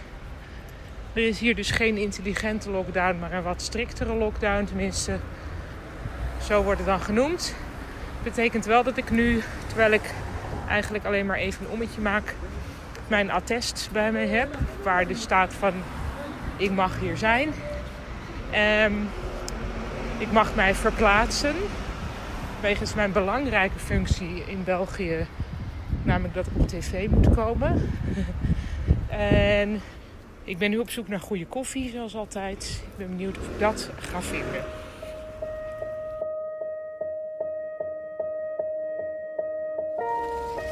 Nou, ik ben aangekomen op de plek waar de koffie zou moeten zijn, maar die blijkt toch dicht, helaas tot 3 mei. Het is wel een schattig plein met allemaal kleine fonteintjes waar kinderen in spelen. Dus ik denk dat omdat ze nu niet in de parken mogen spelen, dat ze dan in zo'n, op zo'n fonteinpleintje even ja, lekker aan het spelen zijn.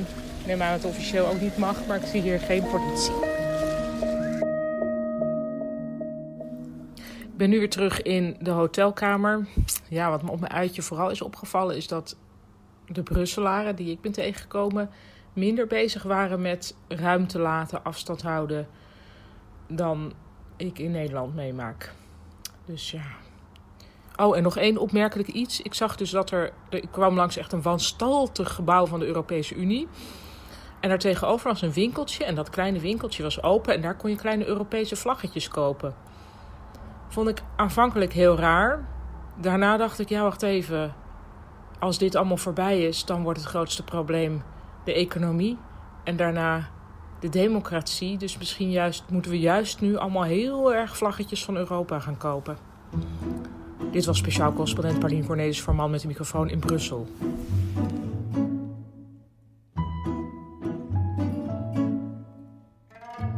Ik kreeg een mail van Sjaan. En Sjaan, dat is de tante van Paulien en ook een beetje de extra oma van Wiek. En ze schreef dat ze had nagedacht of ze ooit een gevoel van opgesloten heeft gehad. En dat was zo, toen ze kind was in de Tweede Wereldoorlog. En dat verhaal heb ik opgenomen. Het was dus oorlog. En op een avond kwam ik de trap af, want mijn kamertje was boven, en zag daar beneden een klein meisje in een heel mooi zacht pyjamaatje, met prachtige zwarte ogen. En die schrok heel erg van mij. En ik schrok van haar, want ik had haar daar helemaal niet verwacht. Ik kende haar ook helemaal niet. Dus ik zei, wie ben jij? Ik ben Anita, zei ze. Nou, toen zijn we een beetje gaan praten op de gang. Maar het was een hele rare situatie.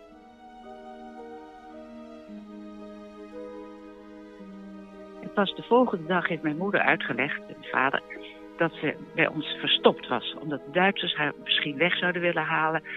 Hoe ze dat precies verteld hebben, weet ik niet. Maar ze zat dus in het kamertje van mijn vader. Ons kamertje was dat. Met nog vier andere mensen. Haar, moeder en die vriend van haar moeder. En de beste vriend van mijn vader en zijn vrouw. En die hebben mijn die zijn verstopt door mijn ouders, omdat ze het te gevaarlijk vonden dat wij kinderen dat zouden weten. Ik was zo'n negen jaar. Hè? En uh, ja, we hebben dus toen heel gezellig zitten praten. En eh, eigenlijk heb ik aan die periode een hele leuke herinnering. Dat was gewoon gezellig, joh. Mensen in huis, was allemaal een beetje... Mama mijn moeder maakte het ook heel gezellig. Maar op een goede dag, op een hele slechte dag... waren ze toch verraden dat ze bij ons woonden. En toen zei ze, moesten ze hals over kop weer weg. En wij moesten zelfs ook het huis verlaten, omdat, ze, ja, we bang waren voor, voor verklikkers. En uh, toen hebben ze een ander adres gevonden uh, in de Alexander Boerstraat, waar ik in Amsterdam nog heel vaak langs uh, fiets. En dan moet ik natuurlijk altijd naar boven kijken naar die, ja, die, die serre die daar was en hoe ze daar zaten met z'n vijven. Dus. En ik ging die, in die tijd al door boodschappen voor ze brengen. Dat deed ik op mijn autopet. Soms een fles melk, dat was dan al vrij lastig. En soms een pot suiker of zoiets. Nou, in ieder geval boodschappen deed ik dan. En dan ging ik met Anita samen spelen. Onder in de kast hadden we één klein stukje waar we een poppenhuis gingen maken samen. En ook daaraan heb ik hele lieve, gezellige herinneringen.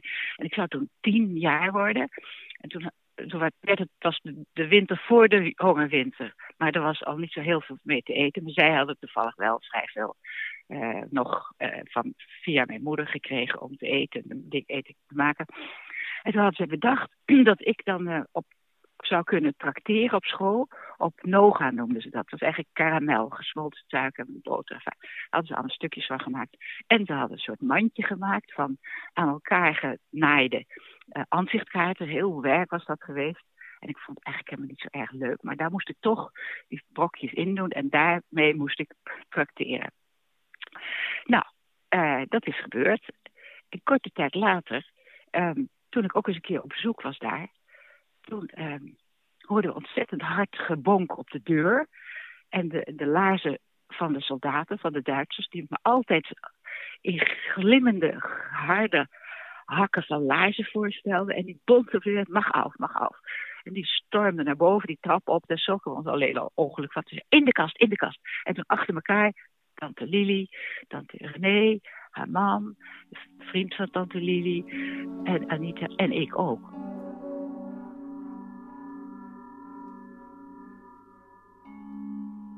Ik had dus een dubbele wand. En dat zag je niet.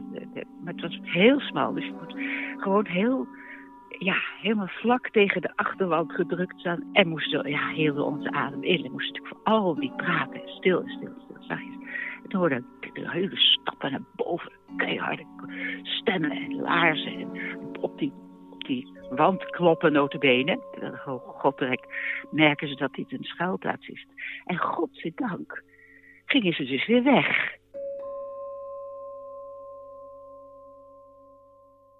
Ja, we kwamen uit die kast en we konden het gewoon helemaal niet begrijpen hoe, hoe dat mogelijk was. Hè? Maar, ehm, nou goed, ik ging op mijn autopet weer naar huis. Ik vertelde natuurlijk thuis.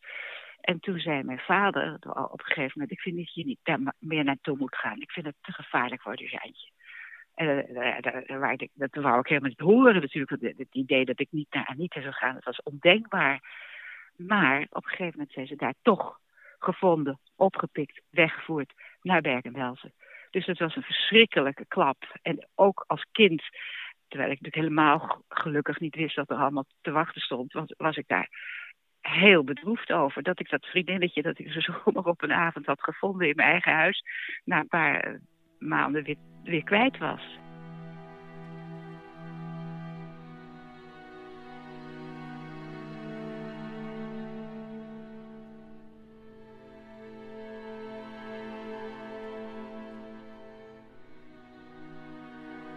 Wij hebben dus nog wel eens een keer een brief gestuurd naar een plek waar ze misschien te vinden waren.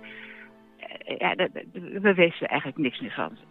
Na de oorlog bleek toch, na heel veel omzwerven, dat ze, dat ze uh, teruggekomen waren. Alleen met haar moeder. De vriend van haar moeder, die is, uh, die is omgebracht. En ik weet ook nog dat ik daar toen zag, Anita, en dat ze zag, was dus heel erg mager. En ja, ze had nog veel grotere ogen dan vroeger. En ik barstte in snikken uit. Ik, ik was, ik, ja, ik wist gewoon niet hoe ik het had. Ik was natuurlijk heel blij dat ik haar zag. Maar ik, ik ja, het was, het was gewoon verschrikkelijk.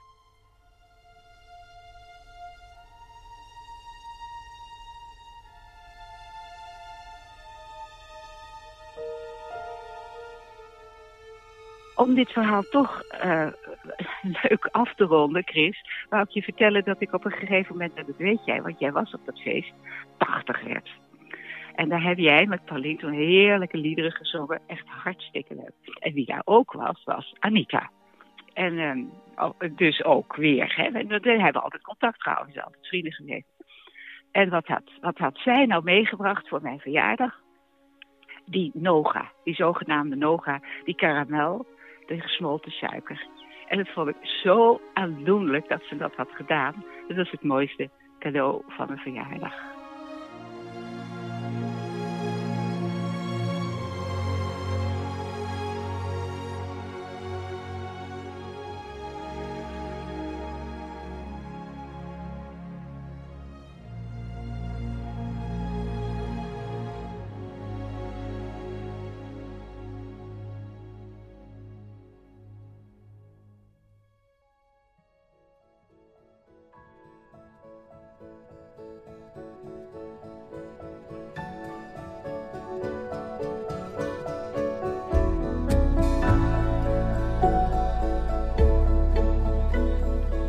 Dit was aflevering 48 van Lockdown. Reacties kunnen naar manmetdemicrofoon@gmail.com. Heb je zelf een lockdown verhaal, dan kun je drie woorden doorbellen naar 084 8371 282. En ik zou zeggen voor zometeen, slaap lekker. Of anders, goedemorgen, maak er een mooie dag van.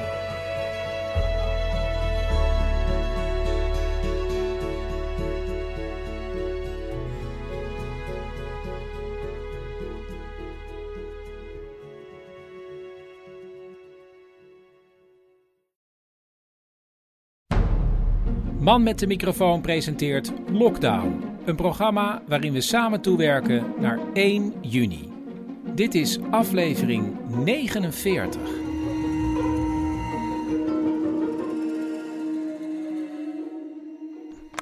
Ja. Chris, wat Ja. is er gisteren gebeurd?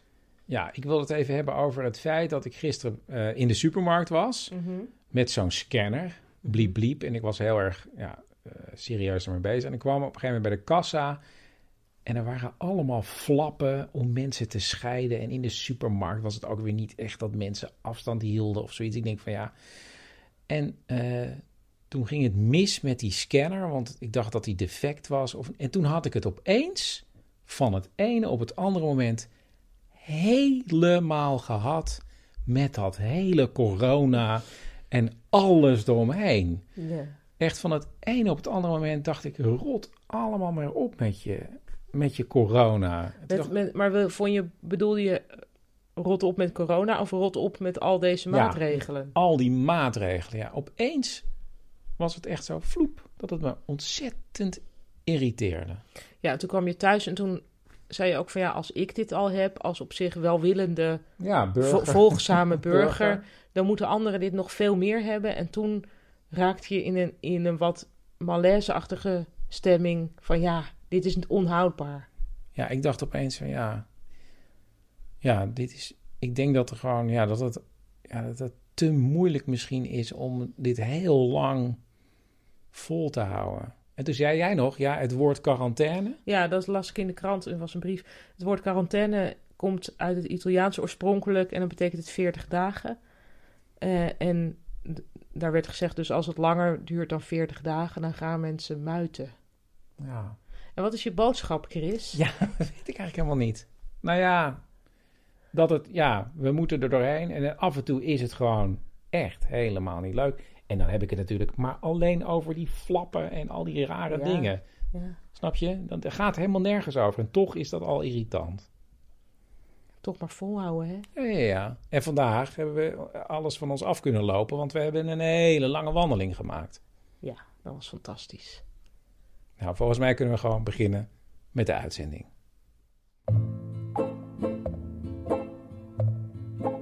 Charlotte heeft drie woorden bij me achtergelaten. En ze vertelt nu zo een verhaal van toen ze 27 was. Eh, nou, het, was, eh, het is drie jaar geleden, de zomer van eh, 2017.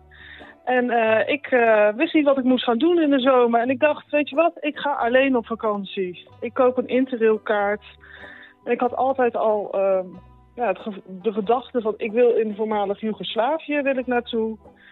Dus ik begon in Slovenië. En daar ontmoette ik eigenlijk al snel een groep van vier Zweedse mannen of jonge mannen kun je wel zeggen, eh 25 jaar. En ehm, daar ben ik toen mee opgetrokken. Toen zijn we gaan rond. Ze zijn eigenlijk mij een beetje gevolgd, want ze zouden eigenlijk de andere kant op gaan.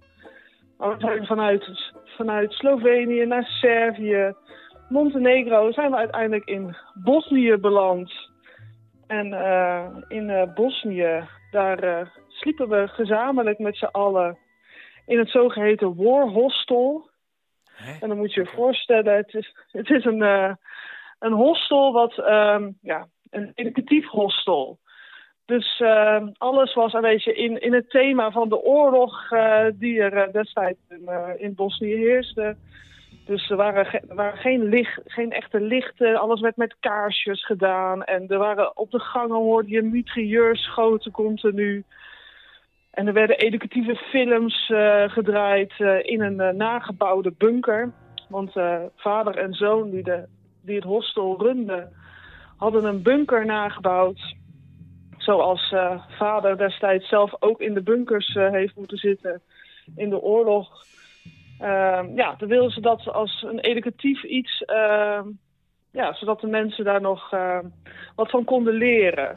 Maar wacht even, want educatief, eh, hoe vond, vond jij het ook nou educatief? Of dacht je, ja het, ja, het klinkt een beetje als zo'n torture museum wat in Amsterdam er is. Snap je wat ik bedoel? Of was het toch... Oké. Ja, educatief, ja het was wel educatief. Ehm, dus nee, het was erg interessant. Maar een van de dingen die hun deden, was behalve ze deden tours door, door Sarajevo heen. Maar je kon ook de zogeheten bunker experience doen. En uh, nou ja, ik en twee andere Zwe Zweden, die leken dat wel wat. En uh, wij hebben ons toen aangemeld om ons te laten opsluiten in de bunker. En ja, je betaalde er ook nog voor, dus eigenlijk wel bijzonder. Je betaalde nog, uh, ja, volgens mij 35 euro om jezelf te laten opsluiten in een bunker. Na het avondeten werden we erin opgesloten. We kregen nog wat uitleg van, ja, dit is dus eigenlijk een soort van rollenspel was het. En uh, je moest die bunker in, er, uh, er was een potje met olie en een uh, lont erin. Dat we aan moesten houden. En er stond een emmer om onze behoeftes in te doen terwijl we daar opgesloten zaten. Er werden, ja, je kreeg van dat roetachtig iets op je hand, zodat het naar, naar pistool rook. Want dat hadden ze ook in die tijd. En daar moesten wij dan, uh, ja, wij wisten ook niet precies hoe lang, want dat werd eigenlijk niet verteld. Moesten wij daar in die bunker uh, zien te overleven met z'n drieën. Eén van de drie moest de gewonden spelen. Nou, dat bleek een van de mannen, geheten Loeve, uh, was de gewonde. En die mocht alleen maar liggen. En ik en de andere soldaat, die uh, moesten om en om de wacht houden. En dan mo moesten we dus gewoon wakker blijven. En ja, ondertussen hoorde je bommen vallen op de achtergrond een mitrailleur goten. En dan, ja, dan moest je een beetje die sfeer proeven. Nou lag ik daar natuurlijk met twee Zweedse mannen van mijn leeftijd. En eentje daarvan, Loeve, oftewel Love. Ja, daar hadden we al eerder tijdens de reis wel iets van elkaar van... Nou, dat is wel leuk maar nog niet allebei het lef gehad om daar iets uh, mee te doen. Maar toen wij vervolgens in het donker in de bunker zaten... en Pierre, de andere Zweed, zat, op, zat uh, wacht houden... en wij lagen daar alleen... toen hadden wij toch allebei... ja, we hadden al wel de verhalen gehoord, hè. In oorlog ja, kom je toch ook dichter bij elkaar en kan de romantiek ook naar boven komen. Ja, met die bommen op de achtergrond en die mitrailleurschoten is dat eigenlijk daar ook weer een beetje gebeurd. Wij kropen dichter naar elkaar toe. En ik mocht zijn arm als kussen gebruiken. Ja, en dat werd iets closer. En van het een kwam het ander.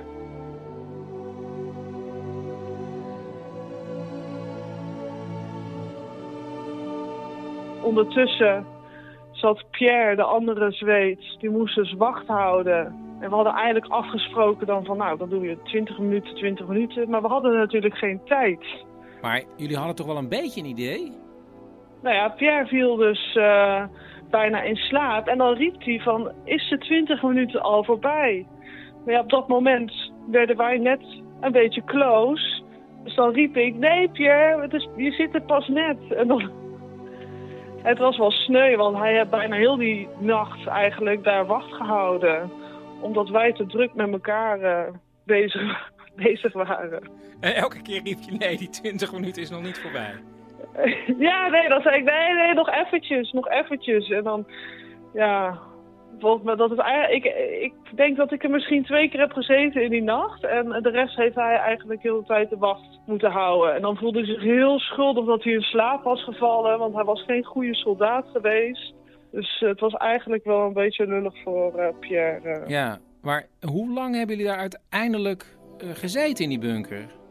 Ja, uh, ik denk wel bijna twaalf uur of zo dat we misschien daarin hebben gezeten. Ik denk dat we in de loop van de ochtend rond een uur of tien of zo weer naar buiten mochten. En nu, drie jaar later, ben ik heel hard mijn best aan het doen om die Zweedse taal onder de knie te krijgen. Zodat ik eindelijk bij mijn love, oftewel Louvre, zou kunnen gaan wonen. waar ik dus nu op het moment niet naartoe kan gaan in verband met, eh, met de corona. Maar hopelijk eh, wel snel voor goed.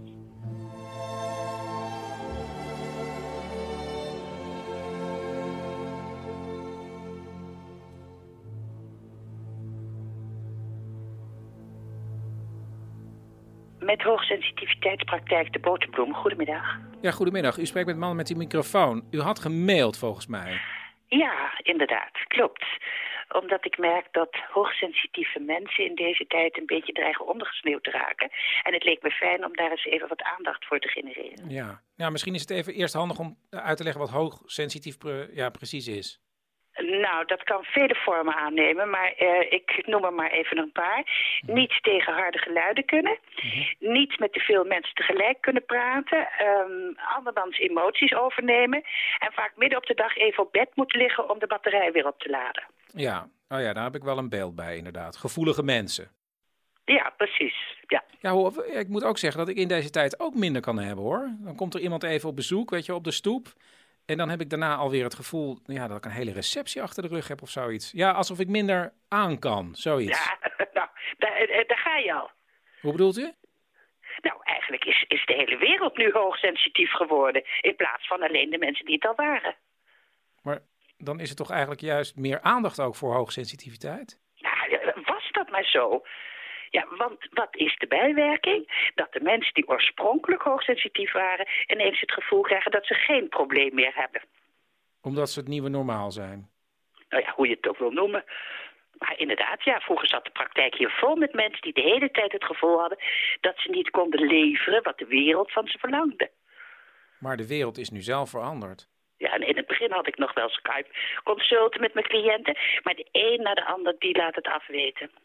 Ze kunnen gewoon niet meer gestrest worden van een, van een familiefeest, want er zijn geen familiefeesten meer. En ze hoeven geen begeleiding meer met het aangeven van hun eigen grenzen, want het hele leven is begrensd tegenwoordig. Ja, dus als ik het goed begrijp, ja, is het niet zozeer een probleem voor de mensen zelf, maar meer voor uw praktijk. Inderdaad, ja. Ja, ik ga er bijna aan onderdoor. Ik, ik, ik moet mij toch ook nuttig kunnen voelen. Tja, ja, misschien kunt u zich dan gaan richten op de extraverte mensen, ja, die in de knel komen nu. Mensen die juist heel erg houden van familiefeesten en zo. Nee, nee, nee, nee, nee, nee, Gassi, nee. Dat vind ik van die oppervlakkige types. Nee, ik, ik leef en werk echt voor gevoelige mensen. Ja, En ik klamp me vast aan de scholen. Hè.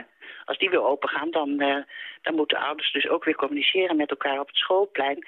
En dat is een hoge bron van stress voor hoogsensitieve mensen. ja, ik wil niet lullig doen, maar volgens mij is het juist de bedoeling dat ouders niet met elkaar gaan praten. Volgens mij moeten de kinderen zelf naar school lopen.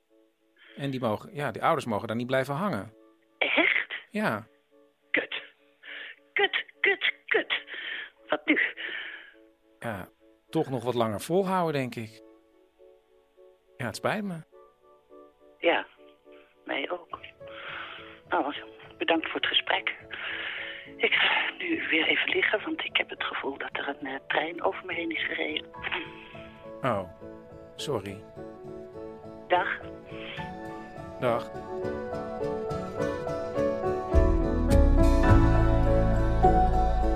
Dit was aflevering 49 van Lockdown. Meegespeeld heeft Cecile Heuyer in een tekst van Paulien Cornelissen. Heb je zelf een lockdown-verhaal? Dan kun je drie woorden doorbellen naar 084 8371 282. Als ik bij jou drie woorden denk, hé, hey, dat lijkt me wel wat, dan bel ik je terug en misschien kom je dan in de podcast. En eh, je kunt me ook mailen. Reacties naar manmetdemicrofoon.gmail.com En voor zometeen, slaap lekker. Of goeiemorgen. Maak er een mooie dag van.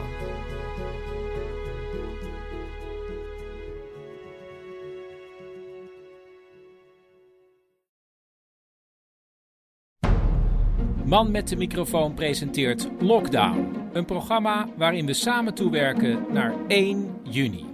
En dit is aflevering 50.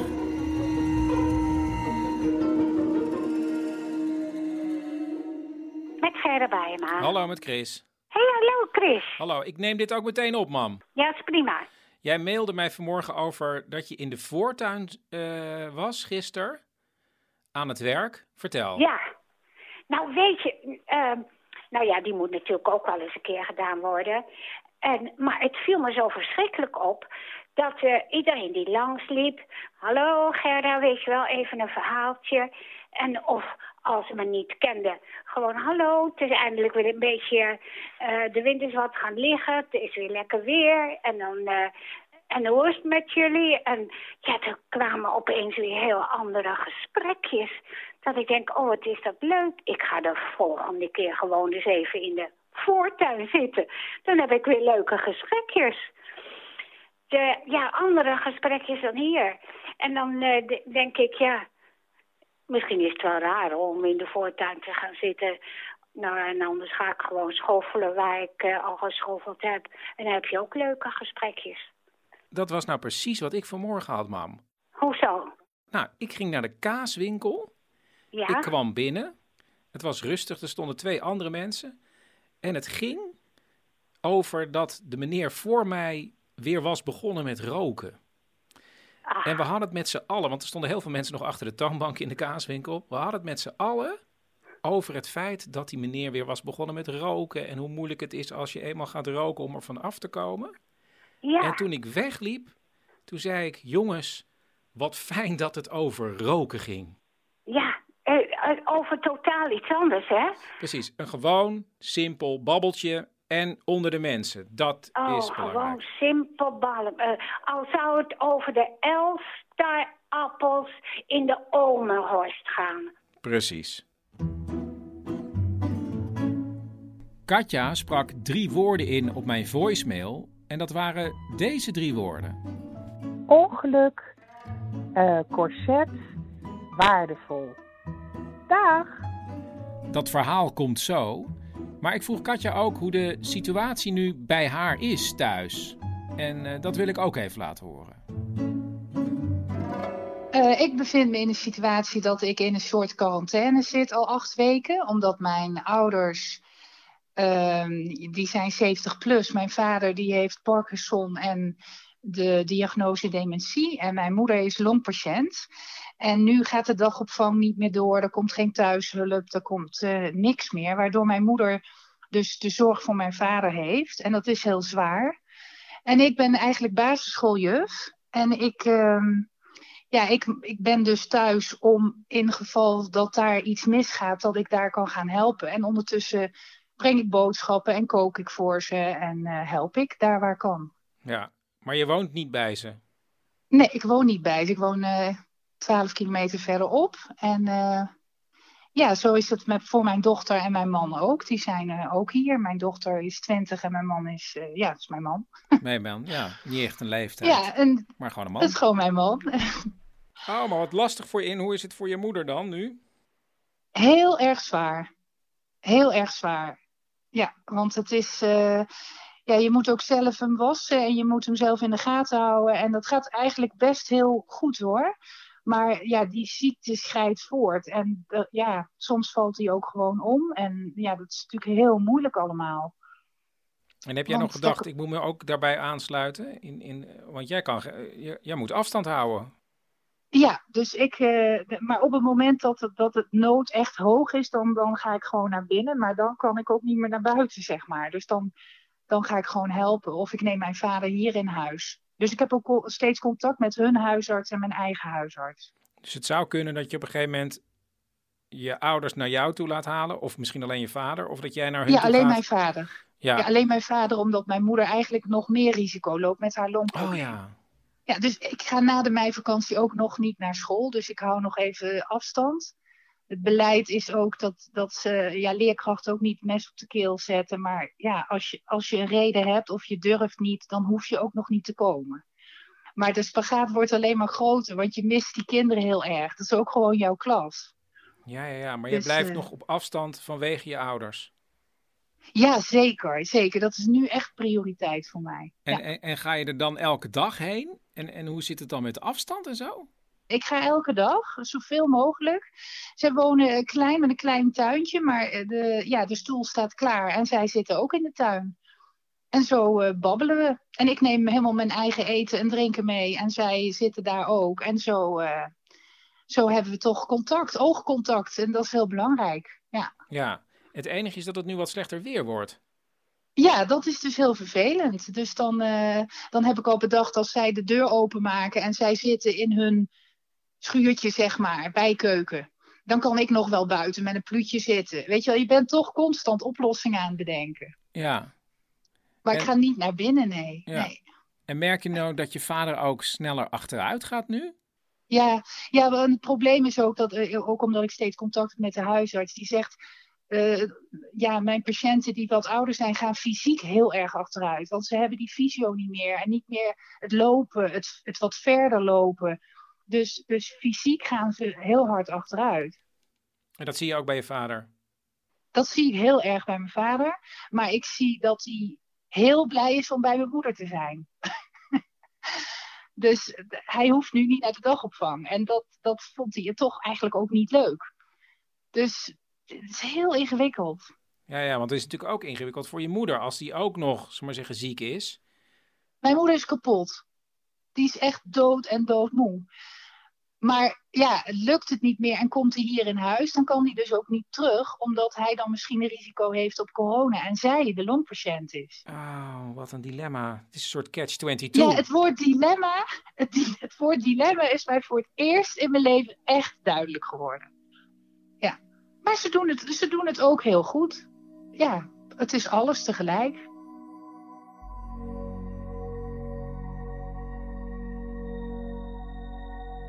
Deze hele situatie rondom corona deed Katja denken aan iets dat ze eerder heeft meegemaakt.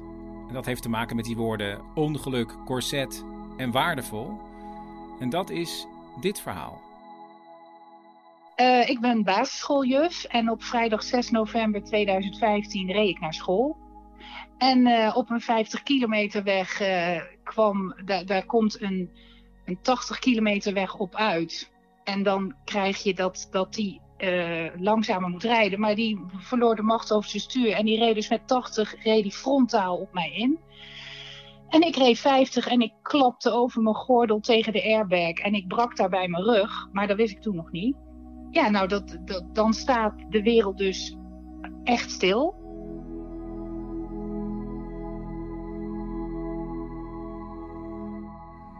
En het raam brak, waardoor ik dacht, oh, dit is helemaal fout.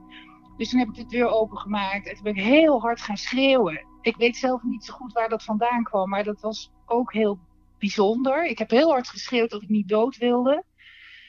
En die jongen die me aanreed, bleek een jongen van 27 te zijn. We hebben elkaar daarna leren kennen. Die dacht, oh mijn god, daar zit een vrouw in de auto en daar is iets gebeurd met haar kind of zo. En die had ook zijn rug gebroken, maar dat wist hij ook niet. En die is op zijn adrenaline uit de auto gesprongen en naar mij toe en rondjes om mijn auto gaan rennen. Van sorry, sorry, sorry, dat heb ik nog gehoord.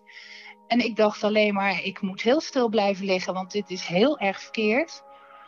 En ik ben ook yogadocent en ik dacht, ik moet voelen in mijn tenen. Oh ja, die doen het nog. Oh, mijn knieën doen het nog. Oh, zo ben ik mijn hele lichaam afgegaan tot ik voelde, oh, het zit in mijn rug. En ik dacht, waar is iedereen? Want de stilte na zo'n klap is oorverdovend, want er is niemand. En toen op een gegeven moment kwam er een meneer naast me. En die heb ik ook helemaal vastgehouden, want ik was zo blij dat ik iemand zag. En nu denk ik, jeetje, dan heb je corona en mag je helemaal niemand vasthouden. Dus dat, dat, dat is de hele tijd parallel. Dan hoor je na tien minuten de ambulance en dan ben je zo blij dat die eraan komt. Nou, ik werd naar, ik woon in Nijmegen, ik werd naar het Kinesius vervoerd en die jongen naar het Radboud. Dat we niet naast elkaar op, eh, op een kamer lagen of bij het traumacentrum. Ja, en toen bleek dus dat ik mijn rug gebroken had en dat ik eh, een kamer alleen kreeg. En ik liep maar te blaten, oh ik leef nog. En eh, nou, ik was zo helemaal gelukkig dat ik nog leefde.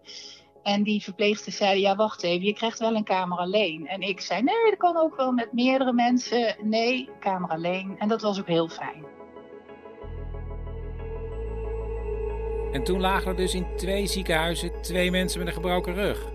Ja, die jongen werd trouwens meteen geopereerd. Eh, ik niet, want ze zeiden tegen mij, kun je 72 uur stil op je rug blijven liggen? En ik dacht, ja, dat kan ik wel. En dat was verschrikkelijk, maar ik, ik kon het wel. Maar, maar waarom moest je 72 uur stil liggen? Ehm, ik moest een corset. En de, het was vrijdag en de- dat, dat, de, die waren naar huis. Dus maandagochtend was ik de eerste. Dus er komt niet iemand op zaterdag een corset aanmeten. Achteraf hebben die 72 uur mij psychisch ook heel erg geholpen. Dus niet meteen een corset aan en weer omhoog, maar, maar eens even tot jezelf komen en denken.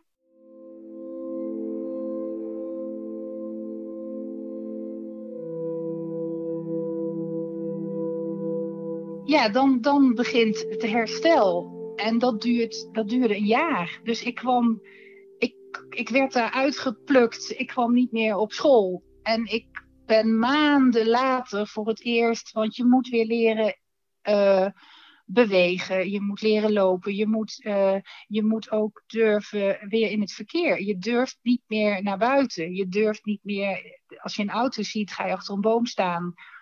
Uh, je, ik kon maar heel korte stukjes lopen of staan, want het was ongelooflijk vermoeiend. Ja, al met al ben ik een jaar gewoon niet meer in mijn klas geweest. En nu werd 13 maart besloten, de scholen gaan dicht. En opeens zie je je kinderen ook acht weken niet. Het is nog maar acht weken, maar je ziet ze niet fysiek. Dus ik voelde eigenlijk van toen dat corona kwam, dat ik eigenlijk weer in het vacuüm van mijn ongeluk ging.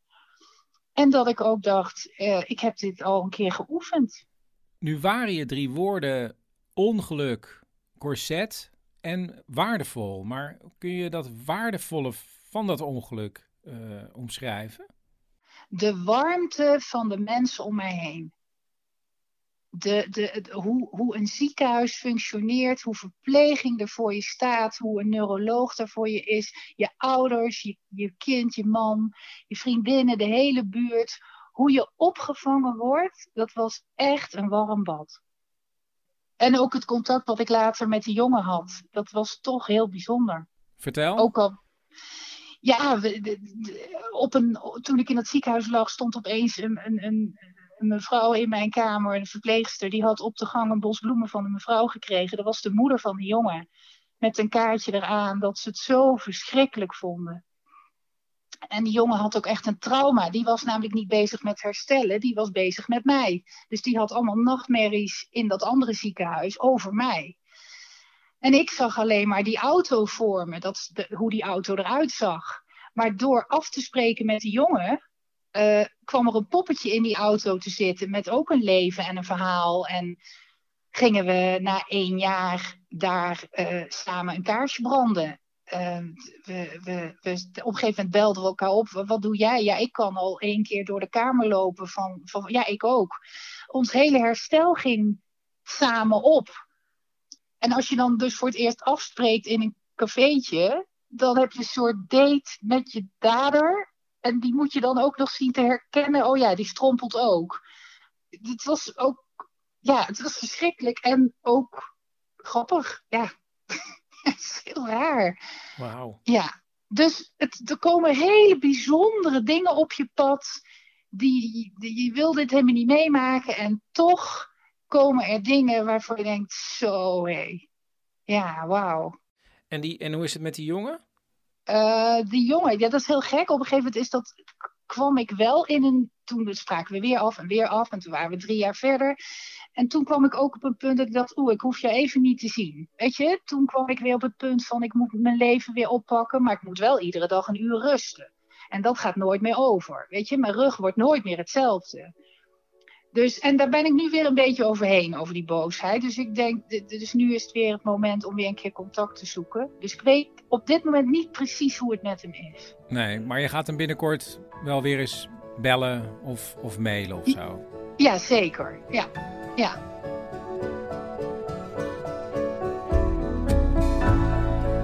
Dit was aflevering 50 van Lockdown. En om, ja, omdat het de 50ste aflevering is, dacht ik, wil ik jullie eigenlijk even een keer bedanken voor alle mailtjes en berichtjes die ik krijg. Uh, ja, dat is hartstikke leuk. En uh, ja, blijf nog wel even doorgaan. Mocht je zelf een verhaal hebben, het nummer van de voicemail staat in de show notes. Voor zometeen, slaap lekker of goeiemorgen. Maak er een mooie dag van.